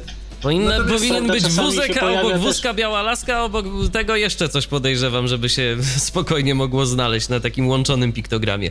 Dobrze, No Wojtku, ja ci bardzo, chodzi- ja ci bardzo jeżeli- serdecznie dziękuję, chyba że jeszcze coś jeszcze chciałbyś dodać. Dobrze, bo... Tak, chciałbym jeszcze dwa słowa, bo naprawdę mam te doświadczenia. Kiedyś wylatałem chyba w pół roku 30 razy, jak byłem na Erasmusie, leciałem w różne miejsca, więc sporo mogę powiedzieć. Wydaje mi się, że jedna sprawa to, to jest naziemna obsługa, natomiast personel jakby już sam pokładowy E, to jest poezja. To ci ludzie są naprawdę bardzo dobrze wyszkoleni i mamy prawo się domagać na przykład z takich porad praktycznych. Mamy prawo, żeby nam pokazali dokładnie, jak funkcjonują te maski, te kamizelki, wszystko, żeby przyszli indywidualnie nam pokazali. Zresztą oni sami to proponują, ale mamy prawo wszystkiego tego się domagać.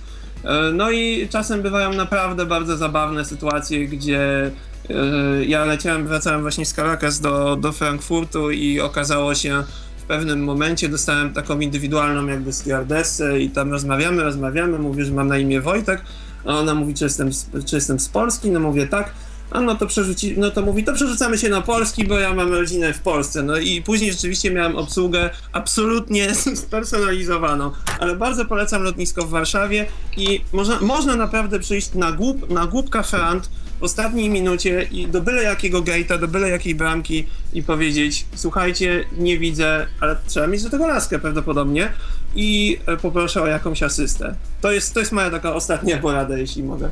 Dobrze, dziękujemy Ci bardzo, Wojtku. No, Michale, pogratulować nie, w takim Nie trzeba razie. mieć laski, nie, nie trzeba mieć laski. E, ja nie wiem, kto dokładnie organizował te części dla innych niepełnosprawnych. No wiem, że ja, e, ja uczestniczyłem w szkoleniach e, pod kątem niepełnosprawności wzrokowej i rzeczywiście słyszałem po tym szkoleniu od paru osób podróżujących właśnie niewidomych i słabowidzących, że naprawdę tam zostało stworzone coś fajnego. To znaczy, ja tutaj też nie, nie będę na siebie tylko brał jakiś tam chwały za to, dlatego że tam pracują ludzie, którzy opracowywali procedury w pocie czoła i te procedury są bardzo dobrze opracowane z głową. A prawda też jest taka, jest... Y, a prawda też jest taka moim zdaniem, że po prostu no widocznie tam jest y, dobra kadra, bo jeżeli nawet y, jeżeli komuś by się nie chciało, no to przecież nie byłoby tak, jak y, chociażby opowiada Wojtek. Mogło, mogłoby to... się szkolenie odbyć, ty byś sobie poszedł, czy jeszcze kilka osób, y, odbębnilibyście swoje i tak naprawdę to mógł być jedyny efekt, a jednak okazuje się, że, a tu wszystkie że ludzie się chcą osoby nauczyć. chodziły na to szkolenie, tu każda osoba na tym szkoleniu była i y, to były ćwiczenia i praktyczne, i różne wiadomości teoretyczne od samego planowania podróży przez osobę niewidomą po całą resztę, więc e, nie, no myślę, że to jest w porządku. E, też słyszałem, że lotnisko w Pyrzowicach, e, czyli katowickie, ma opracowane bardzo dokładnie procedury i też na stronie internetowej. Wiem, że Hania Pasterny z nimi współpracowała, jeśli chodzi o tworzenie tych procedur, bo, bo sama podróżowała z tego lotniska. E, także otwartość po stronie lotnisk na pewno jest i to, i to bardzo cieszy i chciałbym, żeby inne formy transportu też brały z tego przykład. Skoro mowa już o innych formach no. transportu, to proponuję, no abyśmy przeszli do kolejnego transportu, chociaż tak króciutko, bo o tym chyba zbyt wiele nie, nie będziemy mówić, bo i za wiele nie da się powiedzieć, ale chociaż kilka słów na temat transportu morskiego, czyli wszelkiego rodzaju statki, i podobne mm, środki y, transportu, promy jeszcze chociażby. Jak to tam wygląda? Czy to jest jakoś ustandaryzowane? O tym mogę, o tym mogę bardzo, bardzo króciutko powiedzieć. Nie jest to, sama dostępność nie jest ustandaryzowana. Nie znam dokumentu, który by o tym mówił. Nie, nie relacjonuje się pod kątem osób niepełnosprawnych tego typu przewozu, ale to nie znaczy, że ten przewóz nie będzie dostępny, dlatego że jest nadrzędne prawo prawo, w zasadzie taki kodeks morski, kodeks etyczny i tak dalej pracowników, którzy mają cokolwiek wspólnego z wodą i z morzem. E, jak ostatnio słyszeliśmy na Costa Concordia, e, tak, załoga tak. schodzi ostatnia, chociaż Włochom trochę nie wyszło, za bardzo się pospieszyli z, z Ale nie, no przecież słyszałeś, że kapitan wypadł, bo był zbyt stulecia. przechylony pokład, no. Tak, tak, to było 100 lat po tragedii Titanica, Włosi trochę za wcześnie prze, przegięli z imprezą e, rocznicową, ale no nie, no tak nie, nie nabijając się, to wygląda to, to, z czego się tutaj nabijamy, to właśnie dlatego, że tutaj jest odstępstwo od normy. Norma jest taka, że obsługa y, statku obsługa promu odpowiada za wszystkich pasażerów i bardzo poważne konsekwencje są za niedopełnienie tego, więc oni bardzo tego pilnują i pomimo, że y, pokłady nie są zbyt dostępne, y, różne rzeczy sterczą w różnych miejscach, y, wózek może mieć duże problemy też, żeby się samodzielnie poruszać po statku, to jednak trzeba powiedzieć, że obsługa zrobi dużo, żeby, żeby podróż była dostępna. Więc tyle możemy o statkach powiedzieć, bo bo nie ma więcej. Bo nie ma więcej za bardzo o czym y, mówić. I to, y, nie, I to tak właśnie wygląda, jeżeli chodzi o dostępność. To zresztą coś na, coś na rzeczy z tą dostępnością musi być, y, jeżeli chociażby organizowane są takie rejsy jak Zobaczyć Morze, gdzie osoby niewidome na przykład mogą się wcielić w rolę w ogóle załogantów, także no ten transport jednak okazuje się jakoś tam całkiem dostępny, no bo jeszcze o niewidomych pilotach samolotów to nie słyszałem, szczerze powiedziawszy, czy o niewidomych maszynistach, e, żeby... Ja nie wiem, ja nie wiem, czy bym chciał usłyszeć, e, myślę, że bym nie chciał. Okej, okay, to teraz chociaż robimy... jest taki, Chociaż jest taki dowcip właśnie o jest, tym, jak... ale nie e, opowiemy go na antenie chyba. Zrobimy dobra, sobie dobra, teraz za to odrobinę muzycznej przerwy, bo mam akurat piosenkę w temacie, teraz sobie trochę szant posłuchamy, a za moment przejdziemy do transportu kolejowego. I o tym nasz dzisiejszy gość, czyli Piotr Figiel, także myślę, że będzie mógł powiedzieć, bo na chwilę obecną tak cicho siedzi, ale zaraz pociągniemy go za język. Proszę się nie obawiać.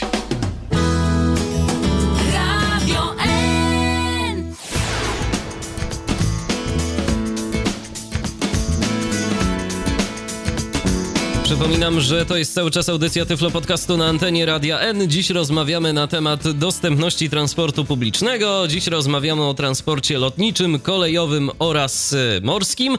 No w, w zasadzie teraz nam jeszcze tylko transport kolejowy został, bo o lotniczym i o, i o morskim już sobie powiedzieliśmy. A przypomnę, że moimi dzisiejszymi gośćmi są Paweł Zadrożny, Michał Dębiec oraz Piotr Figiel. I teraz, e, skoro już e, powiedziałem o czym będziemy mówić, no to może przejdźmy do tej dostępności transportu kolejowego. Michale, bo tak e, zwykle e, mówisz nam o różnego rodzaju umocowaniach prawnych i o dokumentach. Czy w ogóle, zapytam tak na dobry początek, czy w ogóle gdziekolwiek e, jest zapisane, jak to powinno być z tą dostępnością transportu kolejowego? Czy w ogóle przewoźnicy mają jakieś obowiązki w tym względzie? Czy to tak nie bardzo? Mhm. Wiesz co, jedyne co kojarzę unijna. to jest dyrektywa unijna na temat e, transportu kolejowego. Oj nie, nie, której... jest dużo więcej tego. O to właśnie Piotr, Piotr nam powie więcej, bo ja e, w tym się nie specjalizuję. Tyle, że pamiętam, że jest właśnie coś, co, e, co jest unijne. Dobrze, to przekazujemy mikrofon Europy, to na pewno. Piotrowi. Ogólnie jest taka zasada przyjęta w Unii Europejskiej, że to miało swój początek właśnie przy transporcie lotniczym, że Parlament Europejski wraz z Radą Europejską wydają rozporządzenia. Tak jak w przypadku transportu lotniczego to było 1007, tak w przypadku transportu kolejowego to jest 1371. Szykowane jest też takie podobne rozporządzenie dla transportu drogowego. Chodzi tutaj o komunikację autobusową międzymiastową i dalekobieżną. To najprawdopodobniej wejdzie w przyszłym roku, zostanie to przyjęte. W każdym razie, głównymi tezami tego rozporządzenia to jest dostępność i brak dyskryminacji. To, to jest jeżeli chodzi o nas, osoby niepełnosprawne. Tam jest dużo innych in aspektów poruszanych, natomiast e, wszystko się zaczęło właśnie od transportu lotniczego i dobrze, żeśmy to, tę kwestię najpierw skończyli, bo tutaj dokładnie jest podobnie. Niektóre zapisy są po prostu przeniesione z tego rozporządzenia na rozporządzenie 1371 dotyczące praw pasażerów na kolei z uwzględnieniem specyfiki e, transportu kolejowego. Podobnie będzie przy okazji transportu drogowego, ale to pewnie w przyszłym roku, tak jak mówiłem. I to rozporządzenie 1371 wyraźnie stwierdza, że osoby niepełnosprawne e, bądź osoby ograniczonej e, możliwości poruszania się mają możliwość, przewoźnicy powinni zapewnić im transport bez dyskryminacji. Jest zasada 48 godzin przed zgłoszeniem się, przed, na zgłoszenie przed rozpoczęciem podróży. Oczywiście od tej zasady są wyjątki, to znaczy to jest tak sprecyzowane, że że to ma być minimum 48 godzin, ale przewoźnik ma obowiązek również e, świadczyć taką dodatkową pomoc, e, jeśli tylko może. Także apeluję do wszystkich niewidomych i niedowidzących, jeżeli nie znacie topografii dworców, jeżeli macie przesiadki, zgłoście lepiej tę podróż. A gdzie można zgłaszać? O i tutaj, tutaj się zaczynają pierwsze schody. Dlatego, że spółek kolejowych jest coraz więcej. I będzie ich najprawdopodobniej jeszcze więcej, ponieważ e, główny przewoźnik wiodący w naszym kraju przewozy regionalne, w tej chwili to nie jest PKP, i nie mówmy na to PKP, bo to jest spółka należąca do samorządów. Przewoźników PKP-owskich już prawie nie ma, tak naprawdę. No jest jeszcze Intercity i Cargo, no i koniec. i SKMK trójmiejska.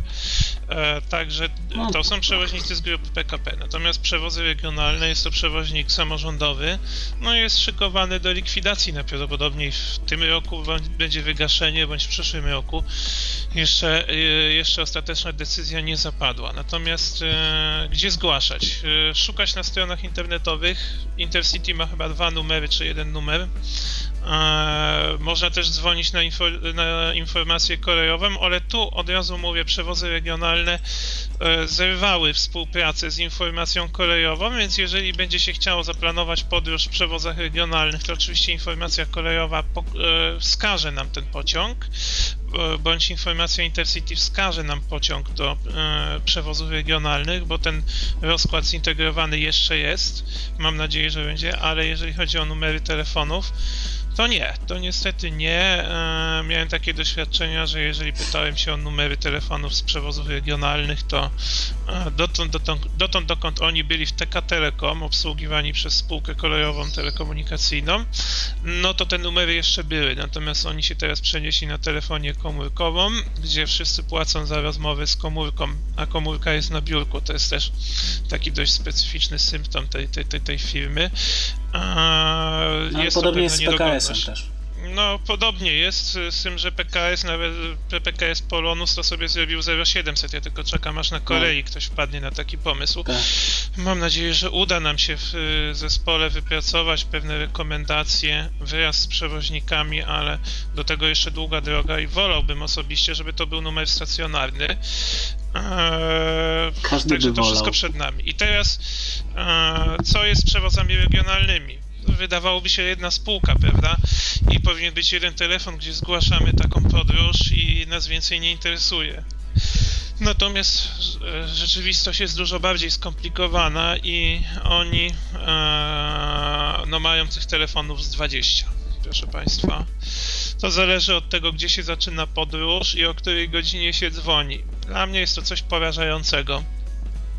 Dlatego, że jeżeli obsługujemy osoby niepełnosprawne, które bardzo często mają napisane w orzeczeniach niezdolny do pracy, niezdolny do samodzielnej egzystencji, to na miłość boską, jak można szukać tego telefonu e, spośród 20 i znaleźć ten odpowiedni dla siebie, jeżeli ta osoba ma trudności nawet z poruszaniem się i, i, I, może to być spory, spory problem, tym bardziej, że strona przewozów regionalnych nie jest dostosowana do potrzeb osób tutaj e, w tym względzie niewidomych, niedowidzących. To kuleje strasznie. Już nie, już nie mówiąc o, o formie, w jakiej są przekazywane te informacje, przestrzegam przed poradami na tej stronie, ale o tym może później.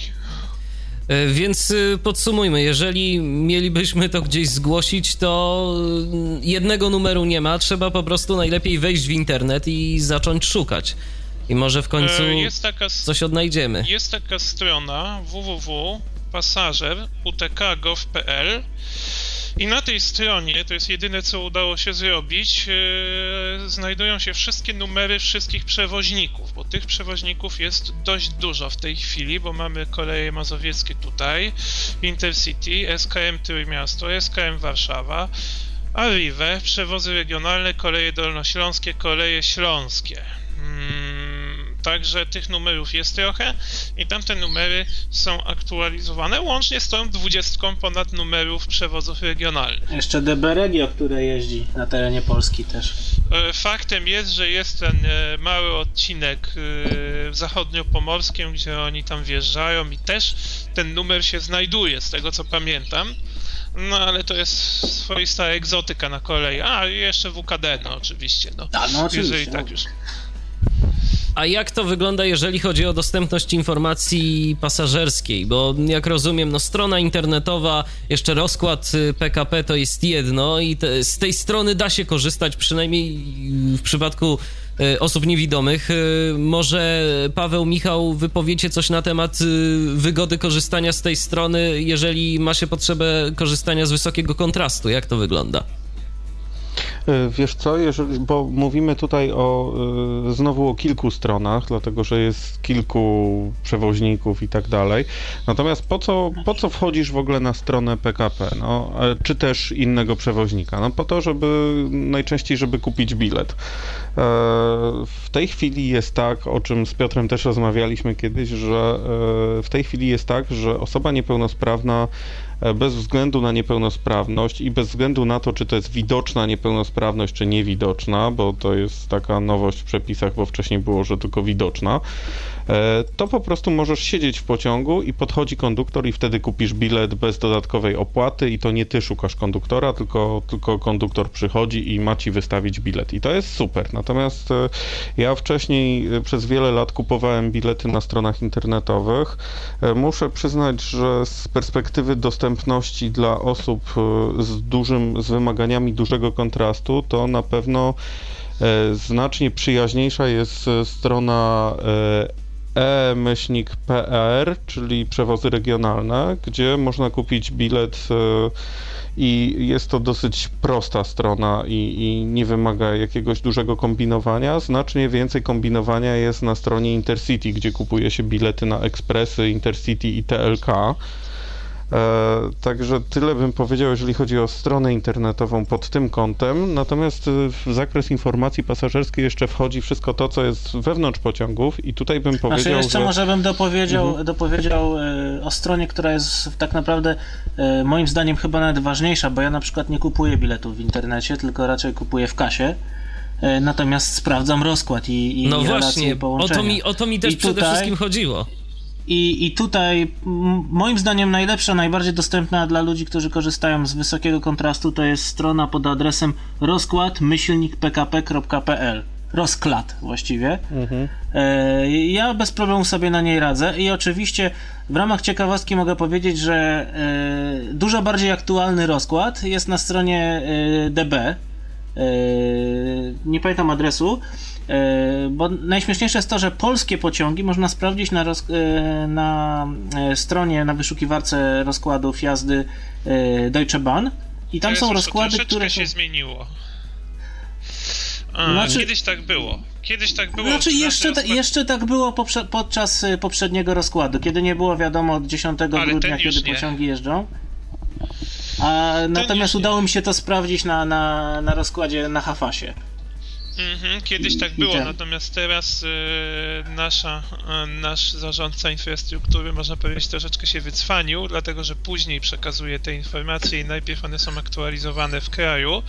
Czasem jest coś takiego, że y, w, na tych krajowych stronach jednak są bardziej aktualne informacje w ruchu lokalnym, tu mówię, bo inaczej jest robiony rozkład jazdy na pociągi międzynarodowe i tam rzeczywiście pierwsze, co się znajduje, co jest wklepywane do stron internetowych, internetowych to są pociągi relacji międzynarodowych i rzeczywiście strona DB y, jest tutaj najbardziej aktualnym źródłem informacji. Natomiast pociągi regionalne, pociągi y, krajowe na pewno nie sugeruję korzystać już w tej chwili ze strony DB, dlatego że bardzo często są zmieniane, na przykład podawany jest pociąg na stronie niemieckiej, tak jak on powinien jeździć, tak jak jest w, tabele, w tabeli ujęty w rozkładzie jazdy rocznym, natomiast są wprowadzane tak zwane rozkłady zamknięciowe do remontów, których jest teraz coraz więcej.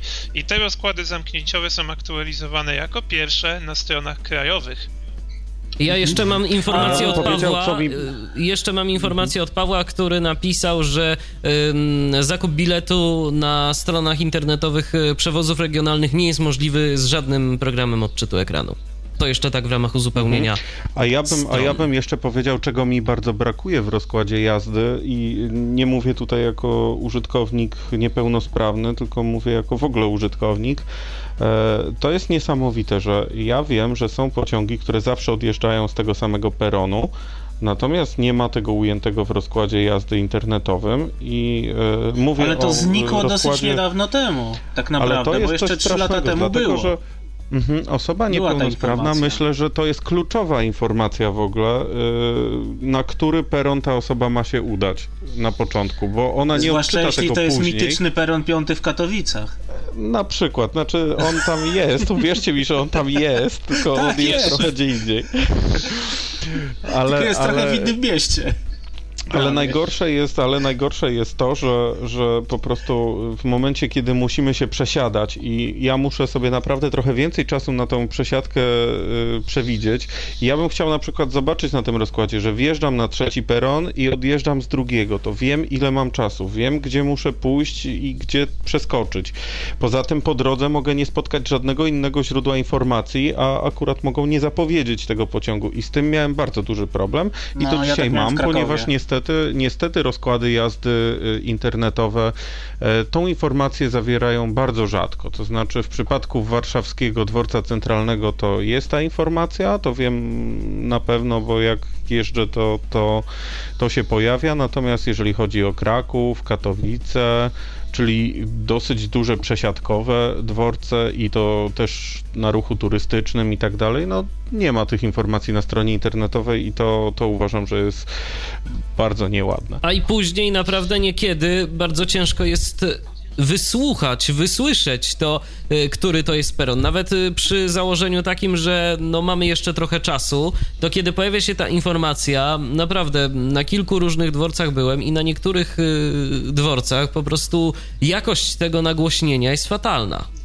Y, To ja Są tacy maniacy, taką- którzy nagrywają na dyktafon różne stacje i później się z tego nabijają. Widziałem parę w YouTubie takich filmików. W Poznaniu, E, bo zda, no to- bodajże w Poznaniu, na Poznaniu Głównym bardzo ciekawie zrobiony jest, ym, jest ta, bardzo ciekawie zrobiona jest ta informacja, bo tam jest y, zaprzęgnięta synteza i tam jest to składane z sampli, więc y, brzmi to mniej więcej typu pociąg osobowy z Wrocławia do Gdańska. Tak to mniej więcej Tak brzmi. jest. A to Odjedzie wam- o 8, 0, 8. Nie, nie, tak nie ma. Nie no, tak nie to ma. Tam, już- Mhm. tam jest zgodnie z gramatyką.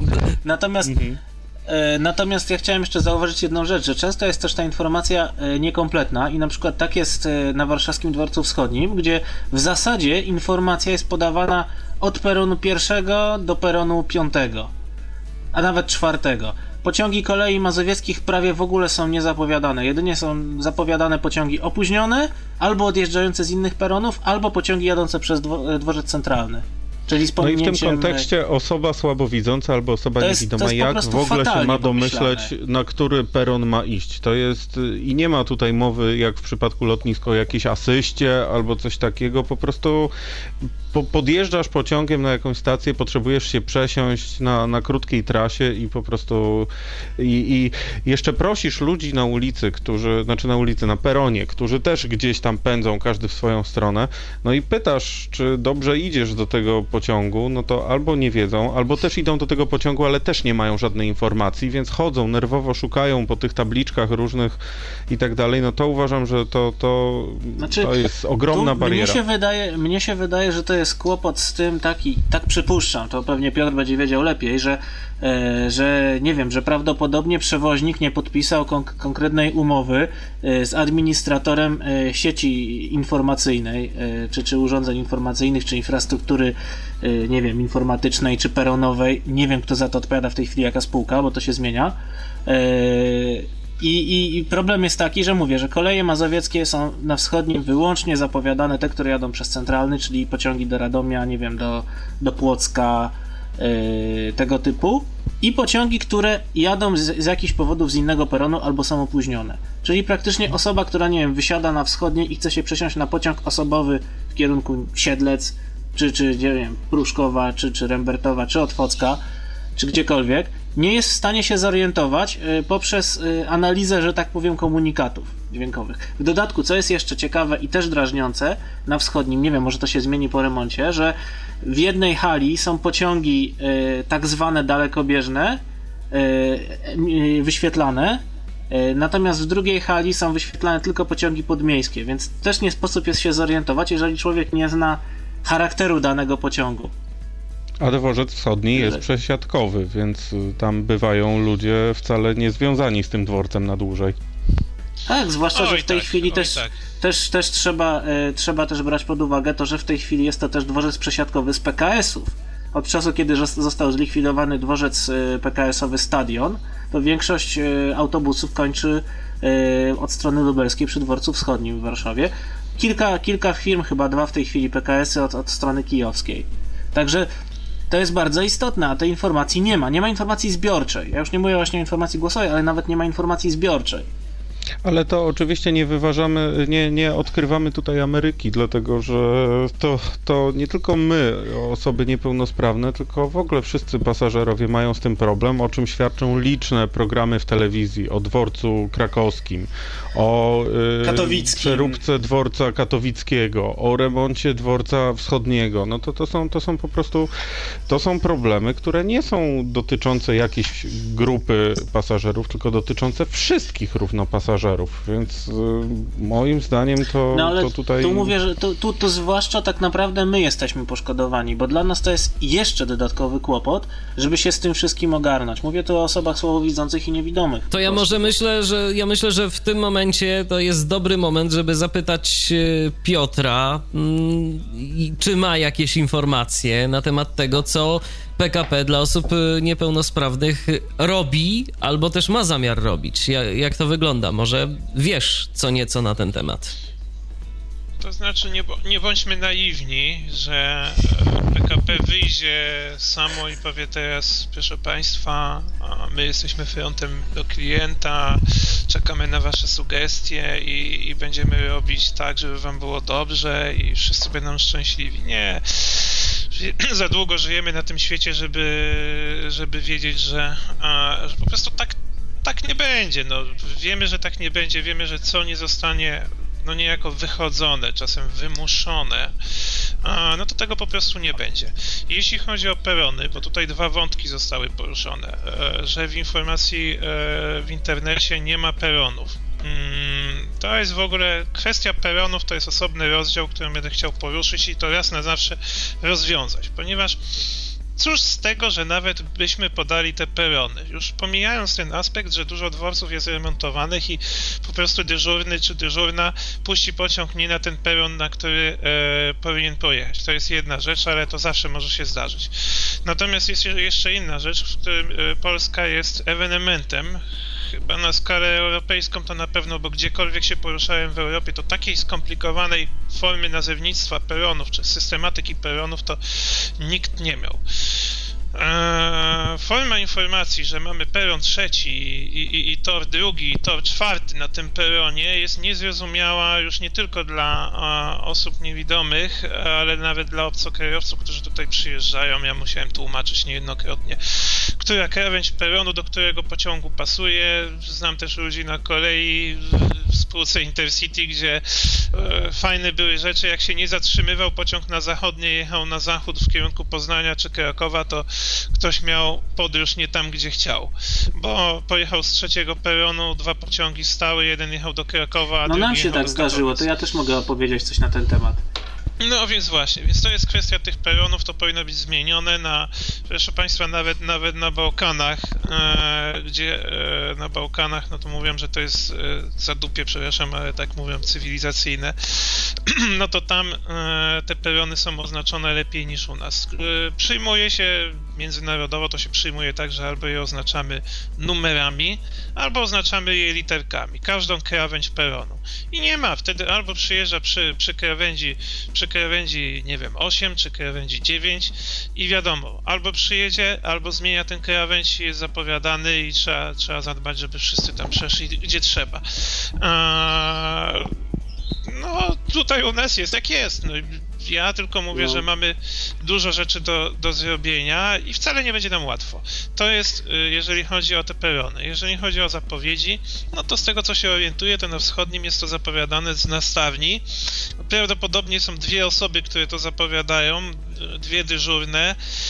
Podobnie jest na zachodnim i one kierują pociągi na odpowiedni tor i peron i powinny zapowiedzieć. Pytanie, czemu nie są zapowiadane te, te pociągi lokalne? Nie wiem, no. Znaczy, no mówię, pociągi od peron, peronu 7, 6 i 5 w zasadzie nie są zapowiadane, no. No wiem, bo to jest, bo to jest e, grupa torów lokalnych. E, no tak, I no. zawsze w tą grupę torów lokalnych wjeżdżają pociągi Korei Mazowieckich. Być może obsługa no stacji... I SKM i żadne z nich nie są, nie są no, zapowiadane. Więc właśnie, być może obsługa stacji. Zakłada, że jak ktoś tym jeździ, to wie. to wie i nie musi tego czytać, bo i tak sobie pojedzie do Śródmieścia, to usłyszy, prawda? Gorzej jest, jeżeli no, pojedzie Jak ja jadę w kierunku wschodnim, to rzeczywiście jadę do Śródmieścia, nie? No, mamy telefon. Mamy telefon. Tomek do nas się dodzwonił. Witaj, Tomku. Tak, witam. Znaczy, ja chciałem się trochę zapytać o tym, o czym przed chwilą była mowa, więc poniekąd się to rozwiązało. Czyli dlaczego te, te tory przy peronach mają taką dziwną numerację. Ja się nawet kiedyś tam nauczyłem, że na centralnym jest przy peronie pierwszym no bo to są tory podstawowe siódmy, i dodatkowe. Jest 1, 3, 2, 4 i 6, 8. No bardzo logicznie. Natomiast to jest tak, że te tory, które na, na wschód, jeżeli pan pozwoli, te, te, które na wschód idą, to się zaznacza nieparzystymi numerami, nie a te, które na zachód parzystymi. No i, ale to jest nasza kolejowa specyfika, bo jeszcze raz mówię, to są służbowe nazwy, tory mają służbowe numery i kogo to co obchodzi. A Powinno jeszcze, być dla pasażera jasno jest... wytłumaczone, wyjaśnione, gdzie kto staje przy kim Jeszcze, jeszcze ciekawie jest, że podwójne, podwójne liczby, znaczy dwucyfrowe liczby mają tory dodatkowe. I, I na przykład mamy tak śmiesznie, że na wschodniej mamy przy jednym tak. peronie po jednej, po jednej stronie tor z, tak, z numerem pojedynczym, a po drugiej stronie krawędzi peronu mamy tor z numerem dwucyfrowym. No to na zachodnim tak jest, no. To no i na wschodnim tak, tak samo, identycznie. Mhm. Ale jeszcze Tomek zdaje się chciał o coś zapytać, to słuchamy. Znaczy ja tylko się tak chciałem zapytać trochę już tak można powiedzieć lokalnie. Czy ktoś ma pojęcie? Bo ja się tak ciągle nad tym zastanawiam, gdzie tu sens, gdzie logika, bo dobra, jest powiedzmy dworzec w Krakowie i na tymże dworcu w Krakowie jest, jest ta galeria, jest dworzec PKP, jest szybki tramwaj, jest PKS i można powiedzieć wszystko w kupie. W Warszawie część autobusów przyjeżdża na zachodni, część na no, ten stadion, czy teraz na wschodni, Dworzec centralny, no to jest taki niby największy i w ogóle, i wyremontowany, i no remontowany może. I tam coś jeszcze. Metro jest jeszcze o jakiś przystanek tramwajowy od, od, y, od tego dworca. Ale pociągi za to przy są na śródmieściu, a jeszcze pociągi tam, gdzie ja akurat w większości jeszcze, czyli do tam stronę Wołominy, to są z Wileńskiego, żeby było się ciekawiej. No nie, I to jest ileś różnych są, dworców, ileś różnych rzeczy. Ciekawe, dlaczego to nie jest wszystko jakoś tak w kupie. Piotrze, no, jest ten centralny. Gdański, tak, jest to wygląda, bo to, A, jest, tak, to, jest, to, jest, to są zaszłości historyczne, ponieważ jeszcze chwała Bogu, że udało się w czasach przedwojennych i międzywojennych ten kolej troszeczkę poprawić, bo teraz to już by w ogóle wyglądało fatalnie.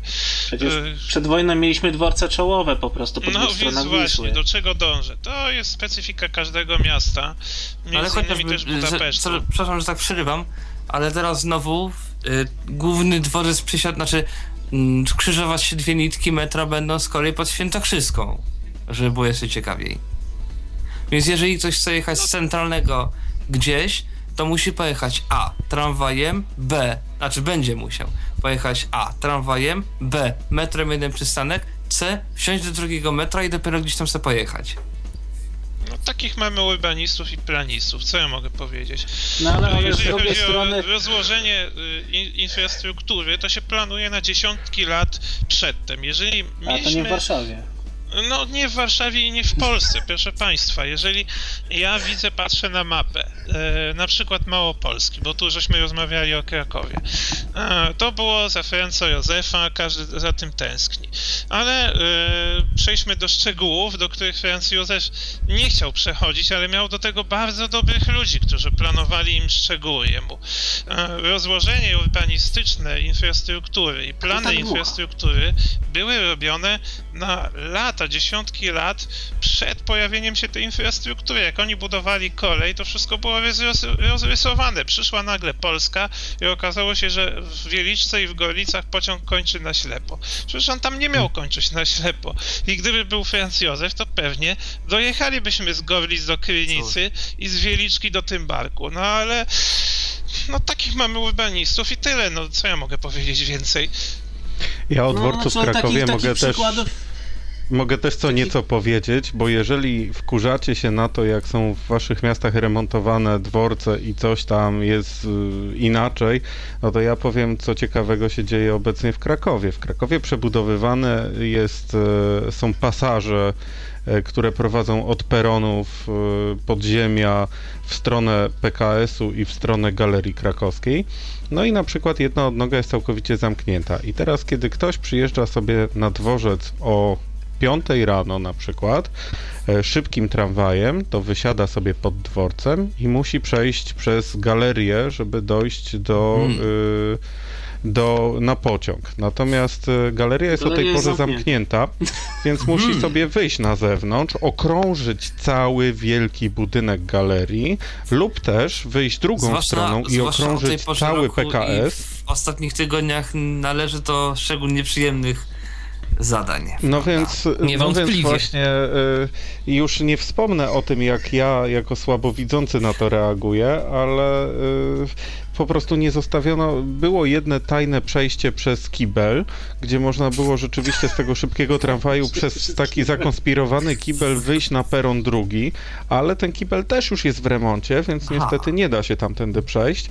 E, I w tej chwili informacja dla wszystkich, którzy nie wiedzą, a się wybierają do Krakowa, w tej chwili jest tak, że rusztowania są też postawione. E, są rusztowania postawione przy, przy tym szybkim tramwaju i przy tamtej części, także jest naprawdę bardzo ciężko się poruszać. Na szczęście ktoś mądry pomyślał, chociaż nie wiem, to chyba przez przypadek, i dał światło, bo jak dali te rusztowania na początku, to nie było światła i po prostu tak można było po ciemnym lesie rur po prostu błądzić do wejścia do szybkiego tramwaju, więc y, no, są różne problemy z remontem dworców. I na koniec chciałbym jeszcze, jeśli można, nie wiem o tym. No, oczywiście, słuchamy. Oczywiście, że można. Mm, wyhaczyliśmy ze znajomymi jakiś czas temu, w zasadzie znajomymi, no nieważne, w każdym razie chodziło o rosyjskie metro. Jest strona dla niewidomych zrobiona, gdzie są opisy, jak wyjść ze stacji metra no jak się wychodzi ze stacji metra, jak się wchodzi na perony, gdzie tam jest wejście, gdzie są bramki i tak dalej, i tak dalej. Ciekawe, czy nie dałoby się jakichś takich mniej lub bardziej jakichś tam opisów a propos, no nie wiem, czy, czy dworców jakichś, czy czegoś, no bo podejrzewam, zwłaszcza z informacji tych pięknych a propos 20 numerów, prawda?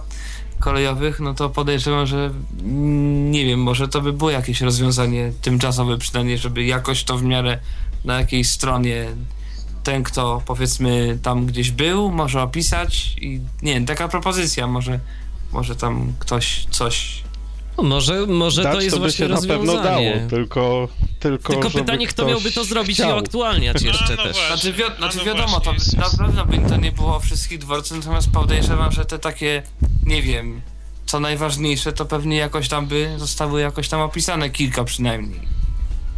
No więc teraz pozwólcie, że ja wam coś powiem. Jest ta strona www.pasażer.utk.gov.pl i tam pilotażowo, ja zdaję sobie sprawę, że ona jest niedoskonała w swojej formie i, i, i treść też pozostawia wiele do, do życzenia, ale najpierw będziemy się skupiali na formie tej strony. Ja mam w środę spotkanie na temat tej strony. Tam jednym z celów tej strony jest e, stworzenie listy takich dworców i opisu dworców w kontekście użyteczności dla osób niepełnosprawnych. E, zachęcam wszystkich, żeby recenzowali tę stronę, przesyłali administrację administratorom swoje sugestie odnośnie formy, w jakiej te treści są prezentowane i same sugestie odnośnie aktualizacji tej strony, bo tak jak mówię, to jest projekt w fazie embrionalnej i trzeba pomóc Urzędowi Transportu Kolejowego.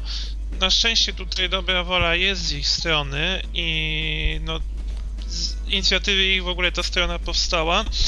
Eee, trzeba pomóc w, w, w udoskonaleniu tej strony liczę tutaj na Państwa, że, e, że przy, będziecie przesyłać uwagi. Ona, mówię, ja testowaliśmy ją na syntezatorach. Mm, mam też kilka No, ja właśnie ją testuję na tym, na wysokim kontraście. No właśnie, wysoki kontrast, y, jest trudno odnaleźć opcję wysokiego kontrastu i na pewno to będzie zmienione. Znaczy w każdym nie, to razie... wiesz, My to mamy w systemie. To My to mamy w systemie. Chodzi o to, żeby właśnie zrobić tak stronę, żeby wszystko, co się wyświetla normalnie, wyświetlało się też w opcjach kontraście. wysokiego czyli, kontrastu, dokładnie. Czyli, czyli No ma, i- maksymalnie mało wpuszczamy jako tło, maksymalnie dużo jako, jako zwykły tekst i grafiki. Jeszcze mam pytanie, No, no Tomku, właśnie. czy jeszcze chciałbyś coś dodać a propos? E, tylko tyle, że ostatnio byłem sobie na dworcu centralnym, kiedy on był już wyremontowany i były rowki, i były kulki, i były jeszcze parę innych rzeczy i to całkiem jakoś nawet tam I działa. jak twoje wrażenia? Użyteczne to jest? E, użyteczne poza powiedzmy jedną taką mm, jedną taką niedogodnością. W pewnym momencie na tym dworcu centralnym jest taki jest takie coś, że się wchodzi pod górę, znaczy generalnie są schody, po lewej stronie jest podjazd dla wózków. Pomiędzy tym, mm, tym wejściem i schodami, a podjazdem dla wózków jest poręcz. Wszystko jest fajnie, tylko jeżeli się zagapisz, no bo są właśnie te niby te kulki, to coś tam, tylko, że poręcz wystaje poza schody i akurat ona jest takim pięknej, na takiej pięknej wysokości, że można tak fajnie się na tym zatrzymać sobą, jak się To nie jest tak zwane pogromca genitaliów, znam tą sprawę. No właśnie. Dobrze, Tomku, dziękujemy ci za telefon, pozdrawiamy, do usłyszenia, trzymaj się. Do usłyszenia. E, Teraz jeszcze tak wracając do hmm, kwestii dostępności, to powiedzieliśmy już trochę o tym, co na zewnątrz, to może jeszcze porozmawiajmy o samych pociągach, no bo w końcu do tego pociągu się dostajemy i wiesz, jakoś tam chcemy co, funkcjonować. Michał? Ja bym. Tak? Ja bym jednak na, najpierw, e, ponieważ e, właśnie tutaj został poruszony ten temat dworca wywołany, to jednak chwilkę zatrzymajmy się przy tym. okej, okej? proszę bardzo. E, mamy dworzec w Warszawie, e, który w moich oczach zmienił się bardzo. To znaczy, ja byłem najpierw w Warszawie ostatnio w lipcu, a później długo nie byłem i w grudniu znów byłem w Warszawie. I to właśnie przypadło na ten moment, kiedy dworzec e, bardzo mocno się zmienił, do tego stopnia, że przez chwilę zastanawiałem się, czy w ogóle Czy to ten sam? wysiadłem na właściwym. E, I e, chciałbym to troszkę podsumować. E, podoba mi się nowe oświetlenie, które jest nad peronami, dlatego że dzięki temu oświetleniu ja widzę znacznie wyraźniej. Ja też. E, ścieżki dla niewidomych są naprawdę e, w, porównaniu na przykład ze ścieżkami, które widziałem gdzie indziej, to te są naprawdę fajne i funkcjonalne. E, ta laska, e, kiedy wchodzi sobie w te rowki, natrafia na, w momencie, kiedy jest krzyżujący się korytarz, to trafia na takie, e, jest ciągła linia jakby i w pewnym momencie kropki są po prostu, więc wiemy, że się krzyżujemy, guzki. Mhm. Poza tym e, same guzki na peronie są właściwej szerokości i takiej faktury, że naprawdę e, e, cię, ciężko to ominąć, więc na pewno wzrasta bezpieczeństwo. E, Mnie również podoba się e, podoba mi się to, w jaki sposób e, jest przewidziane, bo, bo to wiem właściwie od Pawła, że jest taki plan, żeby wszystkie korytarze miały swoją kolorystykę odrębną. E, Co ma ułatwić jakby poruszanie się po tym dworcu, orientację, bo do tej pory mieliśmy komunikaty, że to jest pasaż południowy, to jest pasaż północny, a w momencie, kiedy wjeżdżamy, już nie mówię, że nie widzimy, ale kiedy nawet widzimy i wjeżdżamy pod ziemię i wysiadamy na tym dworcu pod ziemią, to tak naprawdę, mm, no nie wiem, jeżeli ktoś z kompasem się porusza, to może, to może wie o co chodzi, ale tak ogólnie to nie wiadomo, gdzie jest północ i południe nawet przy dobrej orientacji, więc te kolory są znacznie fajniejszym rozwiązaniem i z tego co wiem, to tam całe pasaże y, y, handlowe mają być też w tej stylistyce dla określonego korytarza. To na pewno trochę pomoże. E, Podoba mi się też e, to, w jaki sposób w tej chwili mogę na ekranie, to jest, to jest pomiędzy drugim a trzecim peronem, na ekranie odczytuję kolejne pociągi i odjazdy. E, Taka kartka powieszona z odjazdami nigdy nie była dla mnie dostępna. Nie widziałem zupełnie z którego peronu i o której i jaki pociąg. Natomiast na tych ekranach gdzie jest puszczone właśnie niebieskie tło i jasne litery, no mogło, mogłoby to być jeszcze bardziej dostępne i jeszcze lepiej kontrastujące, natomiast już samo to jak jest podnosi dostępność w moich oczach bardziej niż te kartki nieszczęsne, które były. No i jeżeli przed euro albo po euro będzie taka sytuacja, że e, e, będziemy mieli oznaczone dobrze też kasy biletowe i dojście do toalet na przykład i, i e, czynne schody ruchome, które czasami są nieczynne, bo, bo ktoś je wyłączy, bo, bo pani z pieskiem jedzie albo coś takiego, no to to na pewno to pomoże. E, natomiast wiemy też o różnych niedociągnięciach, które są na tym dworcu, e, albo może nawet nie tyle niedociągnięciach, co po prostu w jakichś absurdach. Jest takie stowarzyszenie czy klub, to się nazywa Towarzystwo Przyjaciół Szalonego Wózkowicza. I oni nagrywają różne filmiki i organizują akcje takie happeningowe, bardziej o tym, jak niedostępna potrafi być przestrzeń publiczna dla osoby na wózku. I ostatnio właśnie parę, parę dni temu albo, albo tygodni była taka akcja, ponieważ tam jest winda i ta winda e, jest obsługiwana przez jakiegoś człowieka, nazwijmy go pan Czesiu. I pana Czesia trzeba wezwać do tej windy odpowiednio wcześnie. Czyli A z jak dużym wyprzedzeniem? 48 no więc... godzin. Tak. I, i, właśnie, I właśnie e, szalony wózkowicz razem z matkami, e, z wózkami i z dziećmi e, op, oplakatowali tą windę że w przypadku pożaru prosimy o zgłoszenie chęci korzystania z windy co najmniej dwa tygodnie przed pożarem. Prosto no absurd. I to, to, no tak, ale ja zakładam, że to jest taka ale... niedoróbka na dzień dzisiejszy. Ale zakładam, ta że te windy muszą jeździć przecież. No. Około trzech lat temu już, już było to poruszane w programie chyba Uwaga w TVN-ie. Mam nawet to gdzieś wrzucony filmik, chyba na swojego bloga wrzuciłem. E, także tu się nic nie zmieniło. Tam akurat chodziło, e, nie o windę, o platformę. Nie wiem, czy, czy mówimy o tym samym generalnie. E, taką platformę przyschodową. Nie, nie, to jest winda co innego, a platforma jest na stronie zachodniej peronów, także... E, w każdym razie z tą platformą innym. była bardzo podobna sytuacja, bo ta tak. platforma była zamykana na klucz, trzeba było, e, to było najśmieszniejsze, że trzeba było pójść do, e, po schodach do hali głównej pójść, poprosić takiego pana, żeby on zszedł na dół i uruchomił platformę, czyli wiesz, osoba, która jest na wózku musi e, zejść z wózka, wciągnąć się po tych schodach tam na górę, jak rozumiem, potem na tym tym tyłku tam podjechać na ten, tak? No bo jak inaczej? A, to no chodzi tak. o Bo tam nie ma żadnego taki telefonu. przenośnik, który na, nas, e, który transportuje teoretycznie osobę niepełnosprawną No tak, no platforma przyschodowa, tak to się nazywa. Tak, mhm, na halę główną.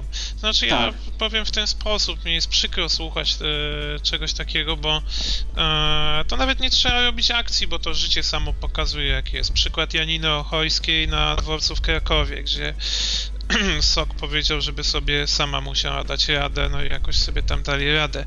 Tylko dlatego, że wezwali dziennikarzy na pomoc. To znaczy, mi jest bardzo przykro, jak coś takiego słyszę, bo z jednej strony ja znam dużo zaangażowanych kolejarzy, którzy rzeczywiście... Ja też znam takich, tylko niestety pracę, oni nie rządzą tym interesem którzy, i to jest kłopot. Którzy rzeczywiście wykonują swoją pracę perfekt, to znaczy wyprawiają pociągi, jeżdżą tymi pociągami, sprzedają bilety e, i oni rzeczywiście wkładają w to serce.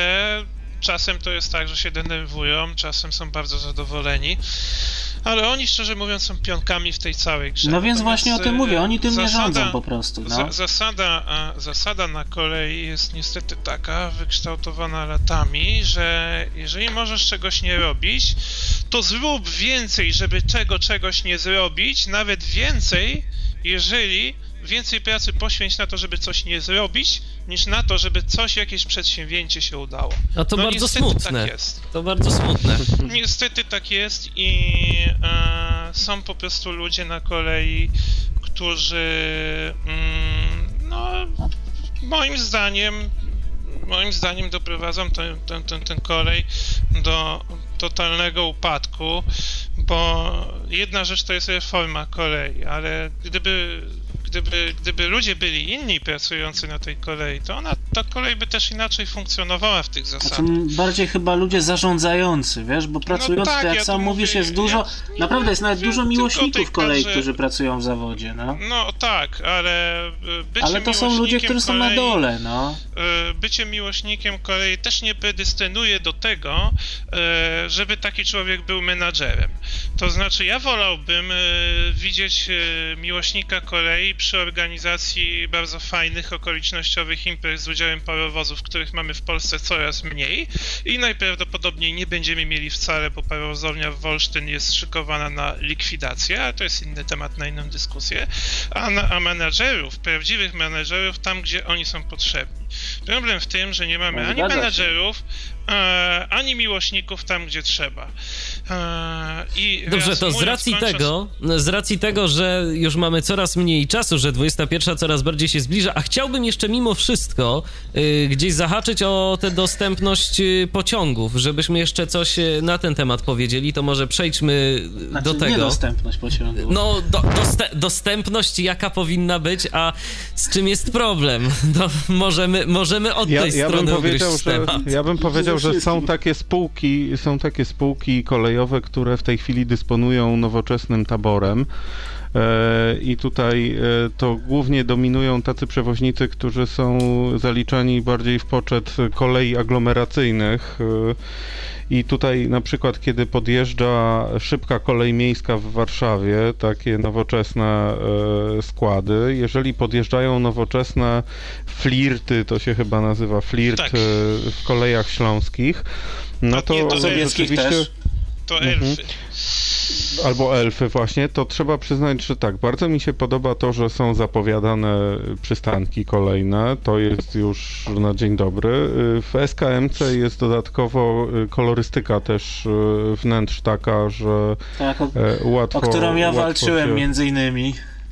No, ale to Dzięki właśnie widać, są... że, tutaj, że tutaj pomyślano o tym i są kontrastujące rurki, kontrastujące yy, listwy Obicia są czerwone, czyli kontrastowe.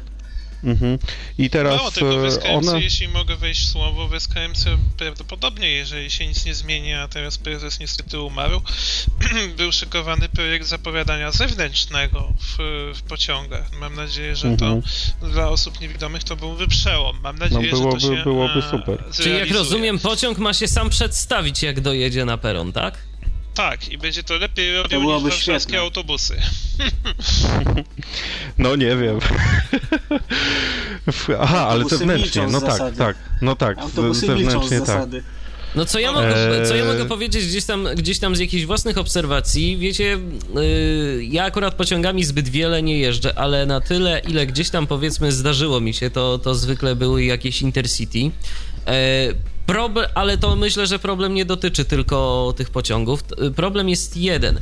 Brak sygnalizacji tego, z której strony należy wysiąść. To jest problem, yy, no, z którym jeżeli, jeżeli wysiada się samemu i nie ma w danym momencie nikogo, no to. A w niektórych pociągach jest tak, że, że drzwi się same nie otworzą, że po prostu no, no trzeba no właśnie, sobie. I nigdy, i nigdy nie wiesz, czy to drzwi są zablokowane, bo się zepsuły, czy też, y, czy też Ale wysiadasz ze złej strony, jeżeli... czy też za mało siły w to wkładasz. A w, niektóry, a w niektórych wagonach to naprawdę trzeba y, sporo siły włożyć, żeby te drzwi otworzyć. Szczególnie jeszcze jak jest jeszcze, zima. Jeszcze wam powiem, że w tej chwili y, też jest promowane bardzo ostro w kolejach aglomeracyjnych, ale nie tylko, bo też, bo też takich powiedzmy regionalnych.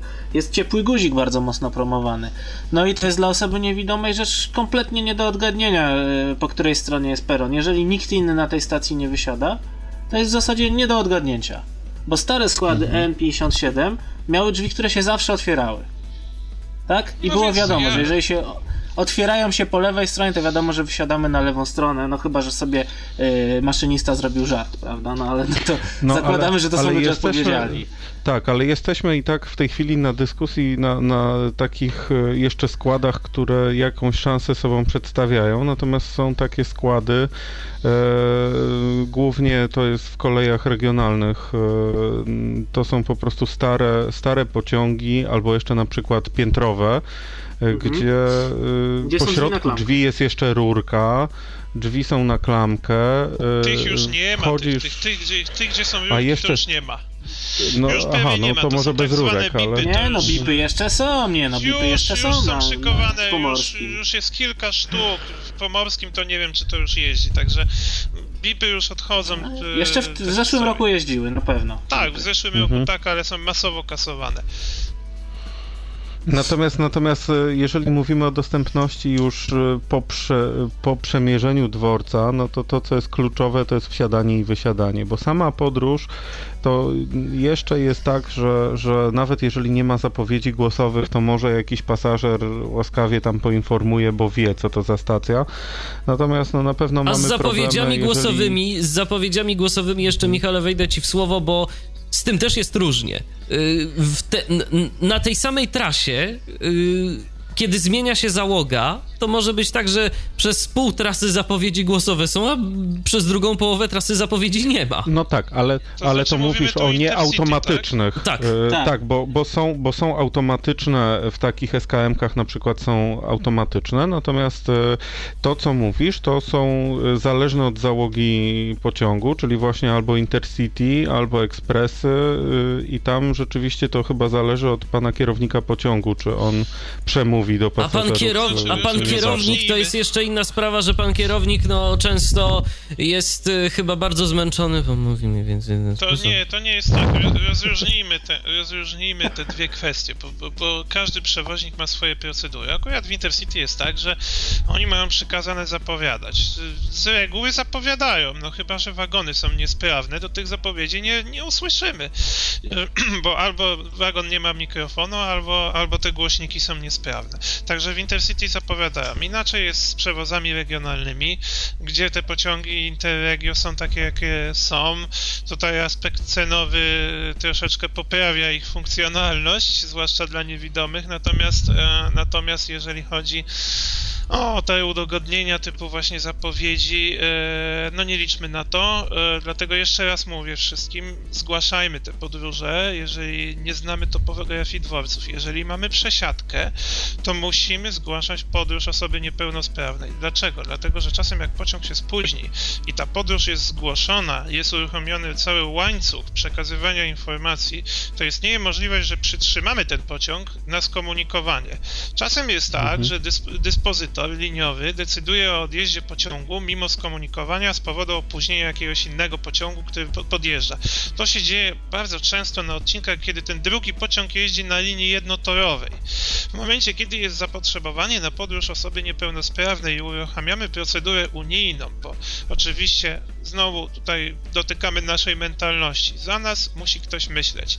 Polacy no niestety, dobrze pracują, ale różnie to bywa, jeżeli chodzi o te kwestie menedżerskie. W każdym razie, uruchamiając procedurę unijną e, wyzwoloną tym rozporządzeniem 1371, e, robimy cały łańcuch konsultacji, że to przechodzi przez przewoźnika, przez PLK do drugiego przewoźnika. I wtedy ten nasz drugi pociąg może stać na naszej stacji przesiadkowej i czekać. I mało tego, nas podprowadzą z tego pierwszego pociągu do tego drugiego pociągu. Raz mi się zdarzyło testować to rozwiązanie, bo jechałem razem z bratem, który w ogóle nie widzi i obawiałem, sobie, obawiałem się, że po prostu nie dam sobie rady. I rzeczywiście drużyny się wymieniły. Druga drużyna była uprzedzona, że mają osobę osobę niewidomą i trzymaliśmy się blisko tych konduktorów, bo oni sami nas wzięli i była przesiadka, było przytrzymanie pociągu na, na stacji w Tarnowie, gdzie ten pociąg najprawdopodobniej by nie pojechał. Mało tego, na kolei jest coś takiego, że dyżurny ruchu, może dyżurny stacji, może w ramach e, swoich kompetencji zmienić przyporządkowanie pociągu do peronu i zrobili nam takie udogodnienie, że wstawili nasz pociąg i ten pociąg na przesiadkę na jednym peronie. Także zgłaszajmy, Szaleństwo. zgłaszajmy, zgłaszajmy, zgłaszajmy. I szukajmy numerów, gdzie to zgłaszać. Ale właśnie, Piotrze, podaj, podaj, podaj słuchaczom może komu mają zgłaszać. E, pod numery telefonów, które znajdziemy na stronie www.pasażerutk.gov.pl. E, tam jest I konduktorowi pewnie. No nie, to, to przekazują osoby kompetentne do tak zwanych y, drużyn konduktorskich. Jest naczelnik drużyn konduktorskich i on dysponuje tymi drużynami i on informuje tych konduktorów. Także.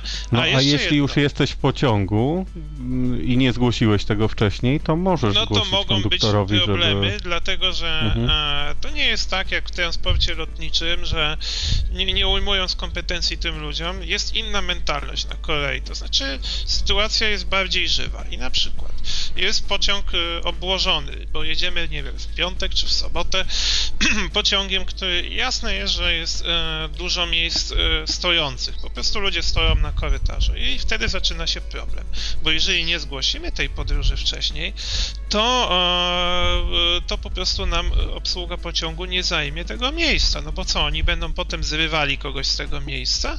Miałem taki przypadek w pociągu Interregio, gdzie sobie jechałem w Sylwestra i rzeczywiście tego nie zgłosiłem, no to mnie wzięli do służbowego przedziału. Po części udało się to rozwiązać, ponieważ spółka Intercity ma tak zwane przedziały dla matki z dzieckiem i udało się wydać takie zalecenie, właśnie my żeśmy to zrobili jako zespół, to konkretnie ja pisałem taki postulat, żeby to zrobić, że przedział dla matki z dzieckiem jest również dostępny dla osób niepełnosprawnych. No to się wiąże właśnie z tym rozporządzeniem 1371, ponieważ nie ma w prawie unijnym specjalnego traktowania dla matek z dzieckiem e, w porównaniu z osobami niepełnosprawnymi. I ta kategoria osób, i my, jako niepełnosprawni, jesteśmy uznani jako mm, za osoby o e, ograniczonej możliwości poruszania się. W związku z tym zrobiono takie udogodnienie, więc w Intercity możemy też próbować właśnie korzystać z tych przedziałów i obsługa pociągu powinna nam udostępnić ten przedział.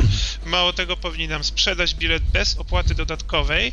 A tu regulaminy są troszeczkę różne, ponieważ w przewozach regionalnych e, też będę chciał, żeby to sprecyzowali. Czy jeżeli osoba niewidoma z przewodnikiem idzie, to też z przewodnikiem nabywa ten bilet na przewodnika i na niewidomego bez dopłaty, czy nie, bo tego nie ma w regulaminie sprecyzowanego. Podobnie jest w Intercity.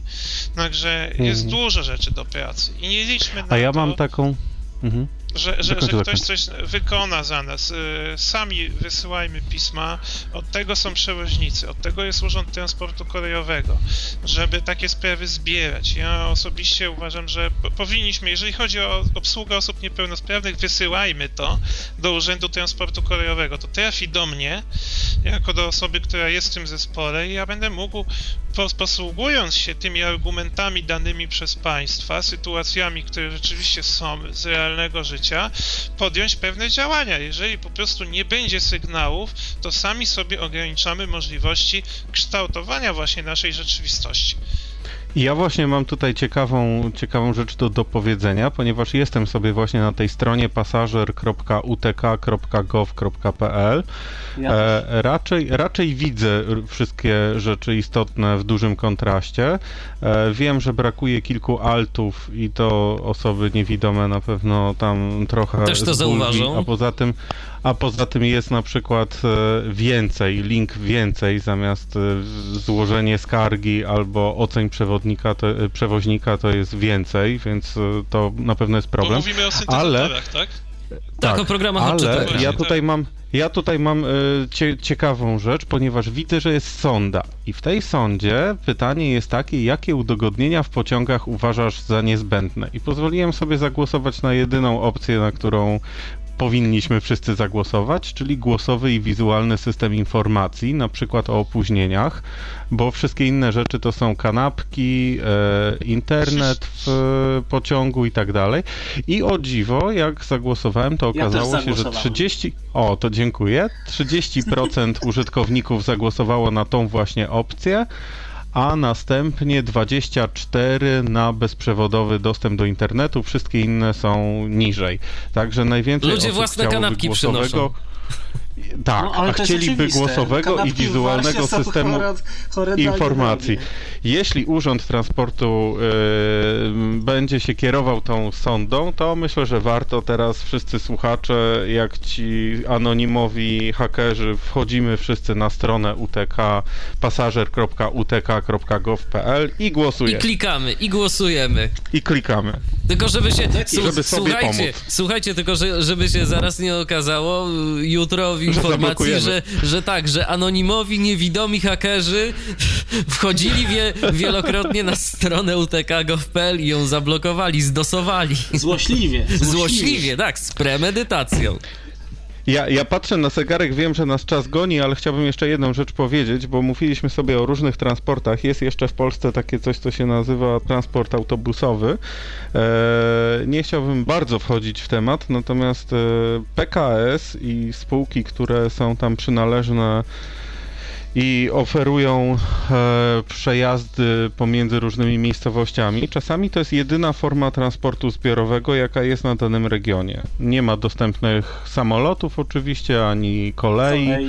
ani autobusów komunikacji miejskiej i w tym momencie ten PKS-ik staje się jedynym źródłem, jedyną formą transportu, jaką ludzie na danym terenie mogą korzystać. No i oczywiście, jeżeli chodzi o dostępność, to możemy tutaj z czystym sercem powiedzieć, że w zasadzie to są autobusy, które nie są dostępne i e, nie spotkałem się nigdy z żadnymi udogodnieniami dla osób niewidomych e, bądź w ogóle jakichkolwiek innych e, niepełnosprawnych. Gdzie niegdzie trafi się autobus z miłym panem kierowcą, który pomoże i który powie, kiedy trzeba wysiąść i tak dalej, natomiast równie często zdarzy się autobus z niemiłym panem kierowcą, który nic nie powie, odburknie i jeszcze opieprzy, że kupujemy bilet z ulgą.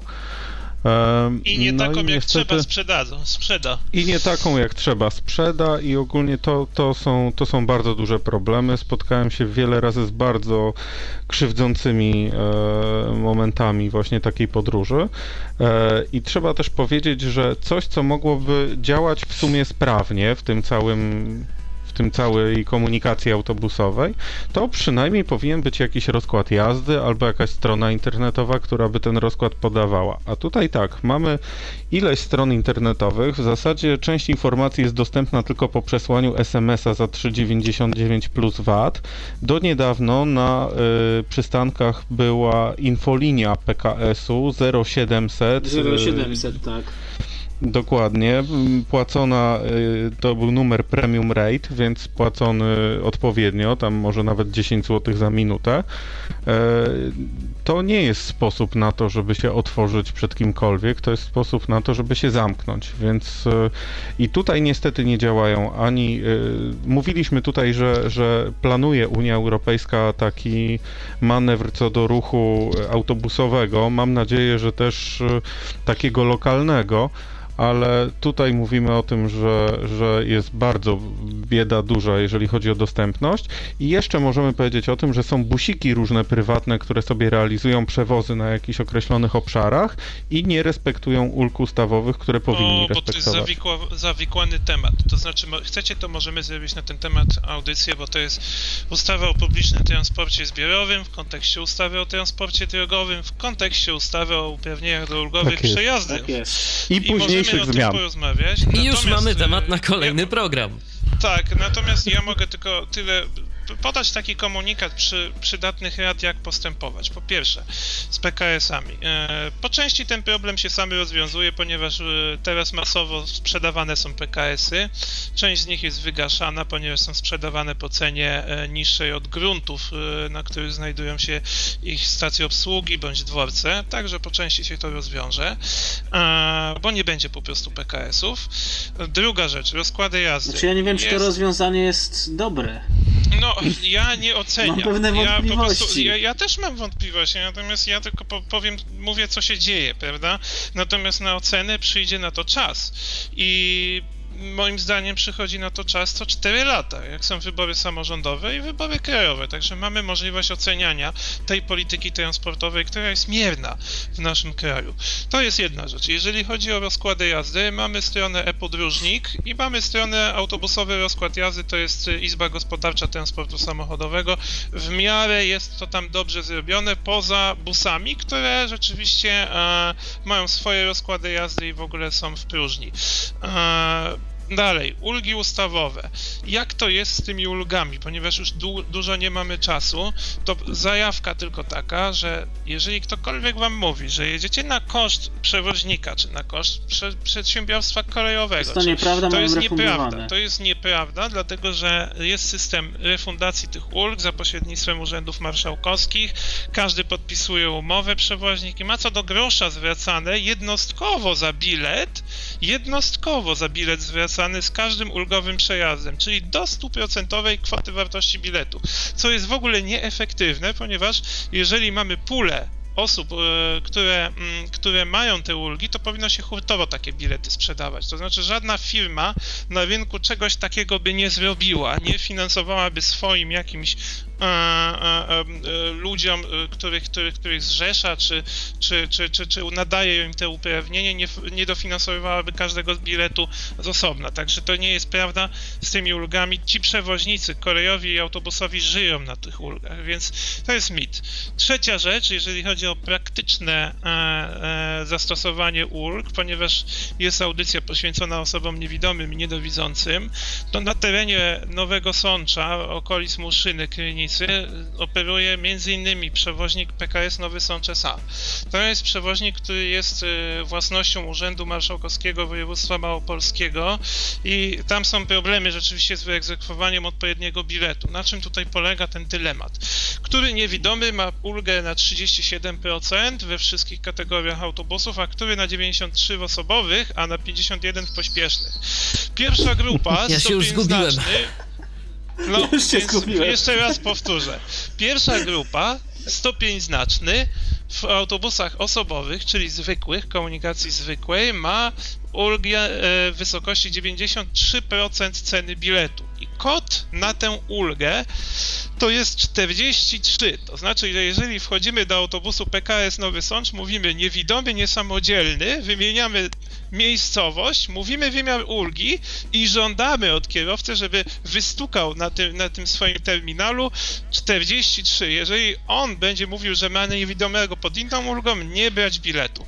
Podobnie jest z autobusem pośpiesznym gdzie tam numer tej ulgi, wysokość ulgi to jest 51%, dla pierwszej grupy stopień znaczny, a kod na tę ulgę to jest 44. Pozostali niewidomi, czyli druga grupa, czyli stopień umiarkowany, jeżdżą na zasadach dotychczasowych, czyli 37% ulgi na pośpieszne i 37% ulgi na zwykłe. A jaki jest Piotrze na to kod? Żeby jeszcze, tu, tu jakby nie kierowca nie wiedział? pytać. To znaczy nie, to ja, na pewno To ja tutaj wiedział, dopowiem, jak sobie z tym wiedział. trochę poradzić, ponieważ miałem właśnie wiele razy sytuację taką, że kierowcy próbowali coś innego mi sprzedać albo, mu, albo twierdzili, że nie mają takich ulg i, i przy wszystkich innych pasażerach y, y, ogólnie obrażali. E, ja po prostu w pewnym momencie zacząłem wozić ze sobą e, fragment ustawy, który o tym dokładnie mówił i, i w, wtedy jak widział pan, że ja wyciągam taki pomięty świstek rulonik i mu cytuje przepisy, to już nie dyskutował dalej, ale no, to, to, ale to, to wymaga determinacji. Dlatego, że, tylko dlatego, że nie zarzucił, że sobie sam napisałeś tej ustawy. Ja um, osobiście no tak. sugerowałbym wozić nie tyle ustawę, ile rozporządzenie o rodzajach dokumentów poświadczających uprawnienia do ulgowych przejazdów w środkach transportu zbiorowego.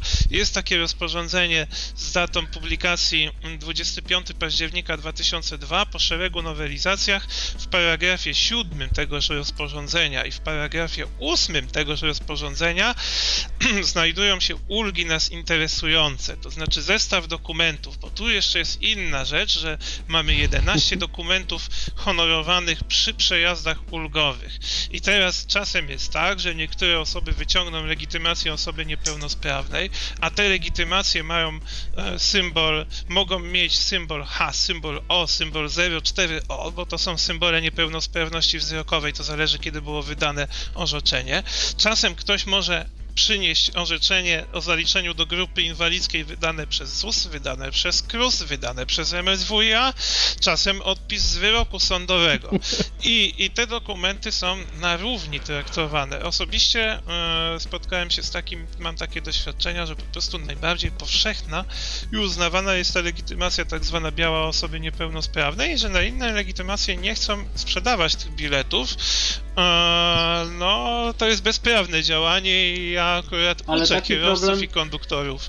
Taki, jak taki mają problem, Taki problem e, występuje na przykład w niektórych miastach, jeśli chodzi o komunikację miejską. Nawet w Warszawie, gdzie już są ewidentnie niedouczeni kontrolerzy, bo ja na przykład kiedyś nie wziąłem legitymacji PZN-u, którą zresztą mam no, dłuższego czasu już nieopłaconą, ale to nie ma żadnego znaczenia. E, Czyli to nie musi być opłacona miał... legitymacja, może być jakakolwiek, nie tak? musi być. Oj, nie, nie kazus Wałbrzycha udowadnia, że jednak musi być.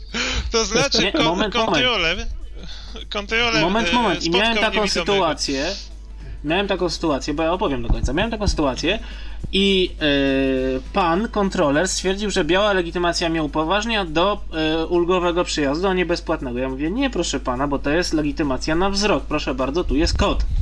A to on mówi, nie, bo w rozporządzeniu jest tak i tak. Znaczy, przepraszam, w ustawie yy, Rady Warszawy. Na co ja wyciągnąłem ten yy, wypis z, z ustawy Rady Warszawy, pokazałem mu i tam jest ta legitymacja, yy, która mnie upoważnia do bezpłatnego przejazdu. Na co on powiedział, że on się z tym nie zgadza, że to jest nieprawda. To znaczy czyli słuchajcie, czyli oprócz I, legitymacji dopiero, ale, musimy ale, ze sobą wozić jeszcze całe kodeksy po prostu ale, i Ale moment, moment. I dopiero go przekonało to, jak ja zaproponowałem, to zadzwonimy po pierwsze do informacji ZTM-u pod numer 19484, albo zadzwonimy na policję i z komisariatu yy, pan zadzwoni sobie na informację ZTM-u całodobową. to dopiero go przekonało. Tymi, słuchajcie, tu jest problem z tymi ulgami w komunikacji miejskiej, ponieważ e, jest system dowolny. Do 2002 roku to kształtowała ustawa. Wtedy to się nazywało o uprawnieniach do bezpłatnych i ulgowych przejazdów w środkach transportu zbiorowego. Teraz kształtują to, to prawo lokalne, czyli uchwały Rady Gmin, Rady Miast. I w Warszawie wygląda to niestety w ten sposób, że i to nie jest dobre, uważam, że PZDNK dla drugiej grupy bądź stopnia umiarkowanego umożliwia jazdę darmową y, autobusami, tramwajami, metrem, natomiast na tę tak zwaną białą legitymację na stopień umiarkowany płaci się połówkę. Naprawdę. No ale to jest błąd. Ja, ale to jest, ale to jest to błąd, bo ten dokument dokładnie to samo po, To po, samo poświadcza. Ale niestety e, jest to błąd, który w wyniku zaszłości prawnych po prostu nie zmieniono uchwały, zmieniając, e, zmieniając ustawę. To trzeba byłoby cały wykład zrobić, a nie mamy na to czasu. W każdym razie tak to wygląda, że członkowie PZN-u są uprzywilejowani tutaj w tej materii. Ja uważam, że niesłusznie, dlatego że no determinantem przy, y, przystąpienia do związku powinno być zupełnie coś innego, nie korzyści osobiste i to się tyczy no to się tyczy, to się tyczy wszystkich, prawda? Bo jeżeli mamy legitymację PZN-u z umiarkowanym stopniem i białą legitymację, to to jest to samo pod względem prawa, a jednak prawo lokalne tutaj zrobiło taki dość nieprzyjemny wyłom, który może być kiedyś e, użyty przeciwko nam, no, tym, którzy są w PZN-ie. Jak tak sobie słucham e, tej dzisiejszej audycji, to jeden wniosek e, na koniec e, mi się nasuwa i to myślę, że wniosek, który zazwyczaj można wyciągnąć po no, wysłuchaniu różnych y, audycji na różne tematy, gdzie konieczne jest to, mm, żebyśmy my coś po prostu robili. No, my musimy tak naprawdę o swoje gdzieś tam cały czas zabiegać, y, bo no, jeżeli my tego nie będziemy robili, to nikt nie zrobi tego za nas. Y, szczególnie to dotyczy właśnie chociażby jeszcze transportu kolejowego, no, czy, czy nawet i tego miejskiego, o którym jeszcze gdzieś tu, o który jeszcze gdzieś tu zahaczyliśmy. Z lotnictwem nie ma większych problemów, no natomiast no, też wiadomo, że jeżeli zauważymy, że jest coś nie tak, y, to, to to warto to gdzieś zgłaszać, bo po prostu no, wtedy może być tylko wtedy może być tylko lepiej.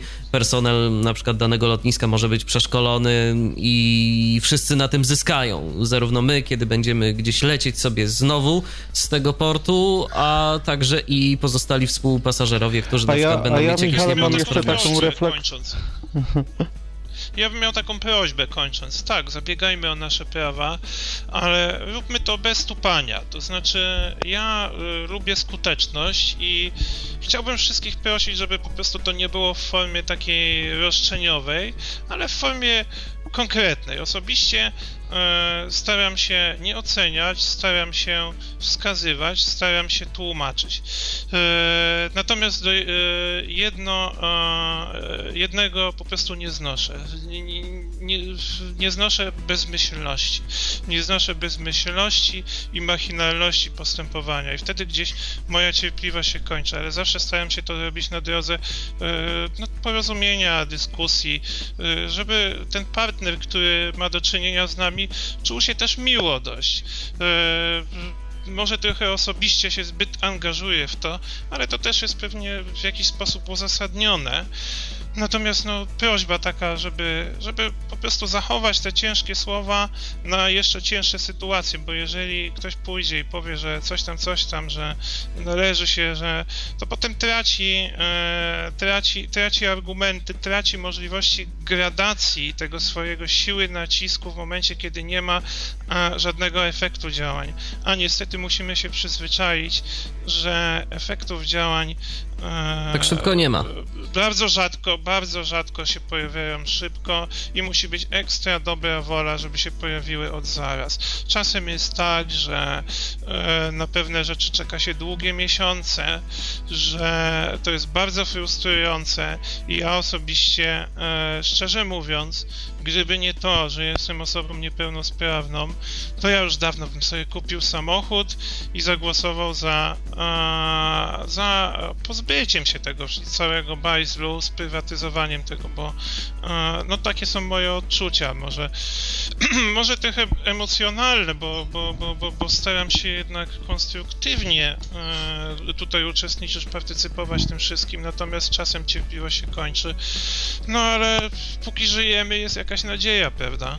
To Piotrze, może A ja jeszcze... bym chciał też taką małą puentę mieć swoją w tym, że ja bym chciał, żebyśmy sobie, w ogóle życzmy sobie, żeby powstawały prawa, które y, motywują do podnoszenia stopnia dostępności transportu, ale żeby one też były w miarę precyzyjne, dlatego że y, o ile lotnicze jest, o ile lotnicze jest dosyć precyzyjne, y, ale bez przesady, właśnie takie w sam raz, to na przykład e, przepisy mówiące o tym właśnie w nowej ustawie o publicznym transporcie zbiorowym jest na przykład taki, taki punkt, że e, tam na danym terenie trzeba zapewnić dostęp, e, trzeba zapewnić dostępność transportu dla osób niepełnosprawnych. Kropka.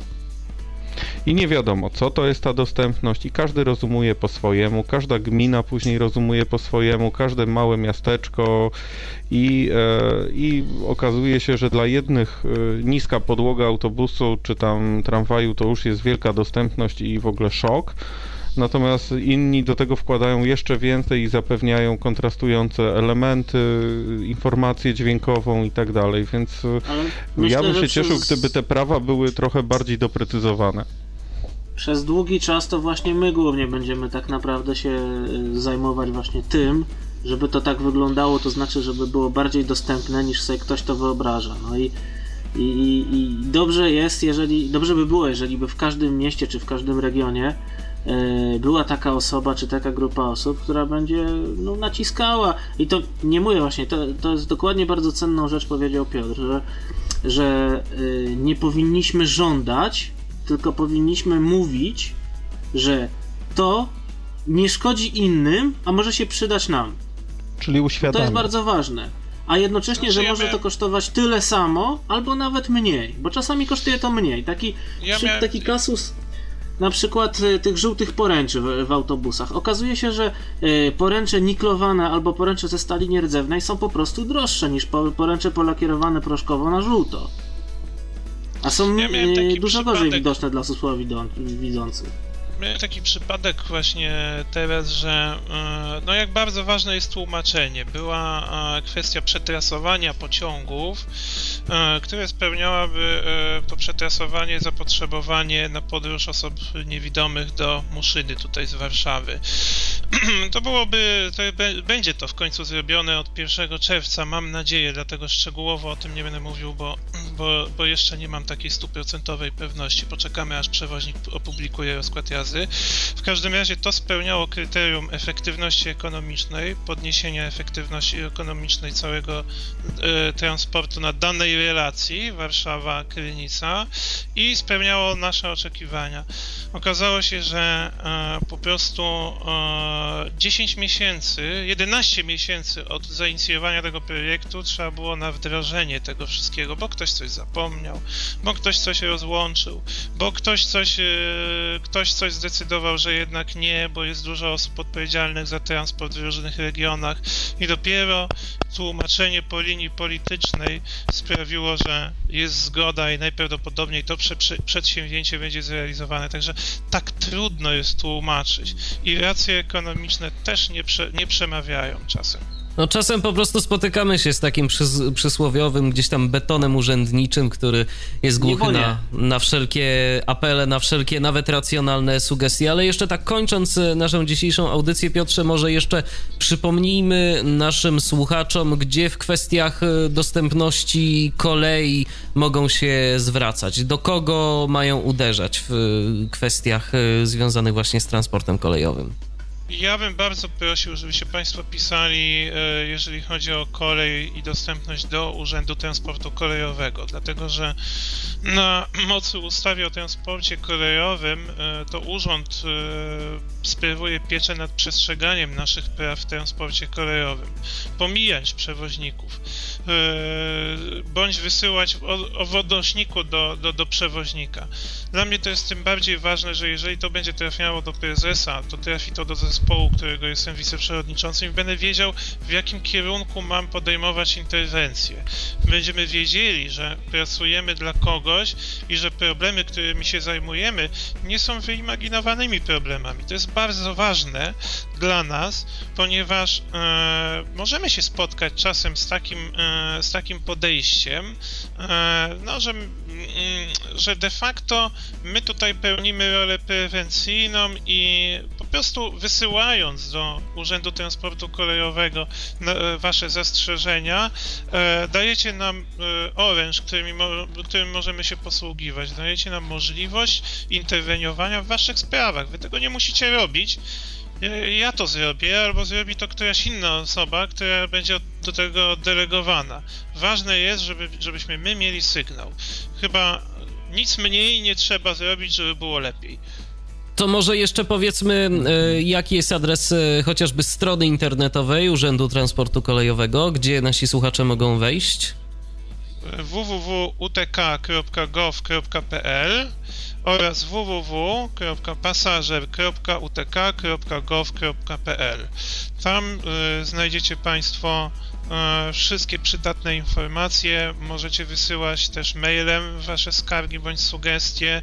E, proszę też trzymać się takiej zasady, że skupiamy się na problemie i po prostu jak najmniej emocji e, skazujemy na pewne rzeczy, które wymagają zmiany, określając je Możemy to określać jako rzecz, która dyskryminuje nas, czy utrudnia nam życie, ale jak najmniej emocji, jak najwięcej treści.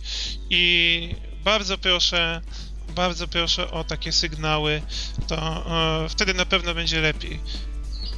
No bo w końcu o to chodzi, żeby, żeby było lepiej, żeby transport był jeszcze bardziej dostępny, chociaż nie, no może z tym jeszcze bardziej to przesadziłem, bo z dostępnością, jak słyszymy, to, to, to, wcale dobrze nie jest, no, ale chodzi o to, żeby był bardziej dostępny. O, w ten sposób, y, w ten sposób powiem. Kończąc y, dzisiejsze spotkanie z Tyflo Podcastem na antenie Radia N, Michał Dębiec, Paweł Zadrożny i Piotr Figiel byli moimi dzisiejsi, dzisiejszymi gośćmi. Bardzo serdecznie Wam dziękuję. Dziękujemy. Dziękuję. Dziękujemy bardzo. No i do usłyszenia. Myślę, że się jeszcze spotkamy, bo o transporcie myślę, że jeszcze będziemy mogli sporo powiedzieć e, w różnych aspektach, bo się okazuje, że tak, gdybyśmy jeszcze tu sobie usiedli i porozmawiali, to jeszcze drugie dwie i pół godziny myślę, że spokojnie moglibyśmy poprowadzić tej audycji. Albo i trzecie. Albo i trzy. A kolejny Tyflo Podcast na antenie Radia N już za tydzień po godzinie 19. Zapraszam bardzo serdecznie. Zapraszam również na swoją autorską audycję z Archiwum M, która się pojawi w niedzielę po godzinie 20. Michał Dziwisz, kłaniam się i do usłyszenia. Był to Tyflo Podcast. Audycja o technologiach wspierających osoby niewidome i słabowidzące. Audycja współfinansowana ze środków Państwowego Funduszu Rehabilitacji Osób Niepełnosprawnych.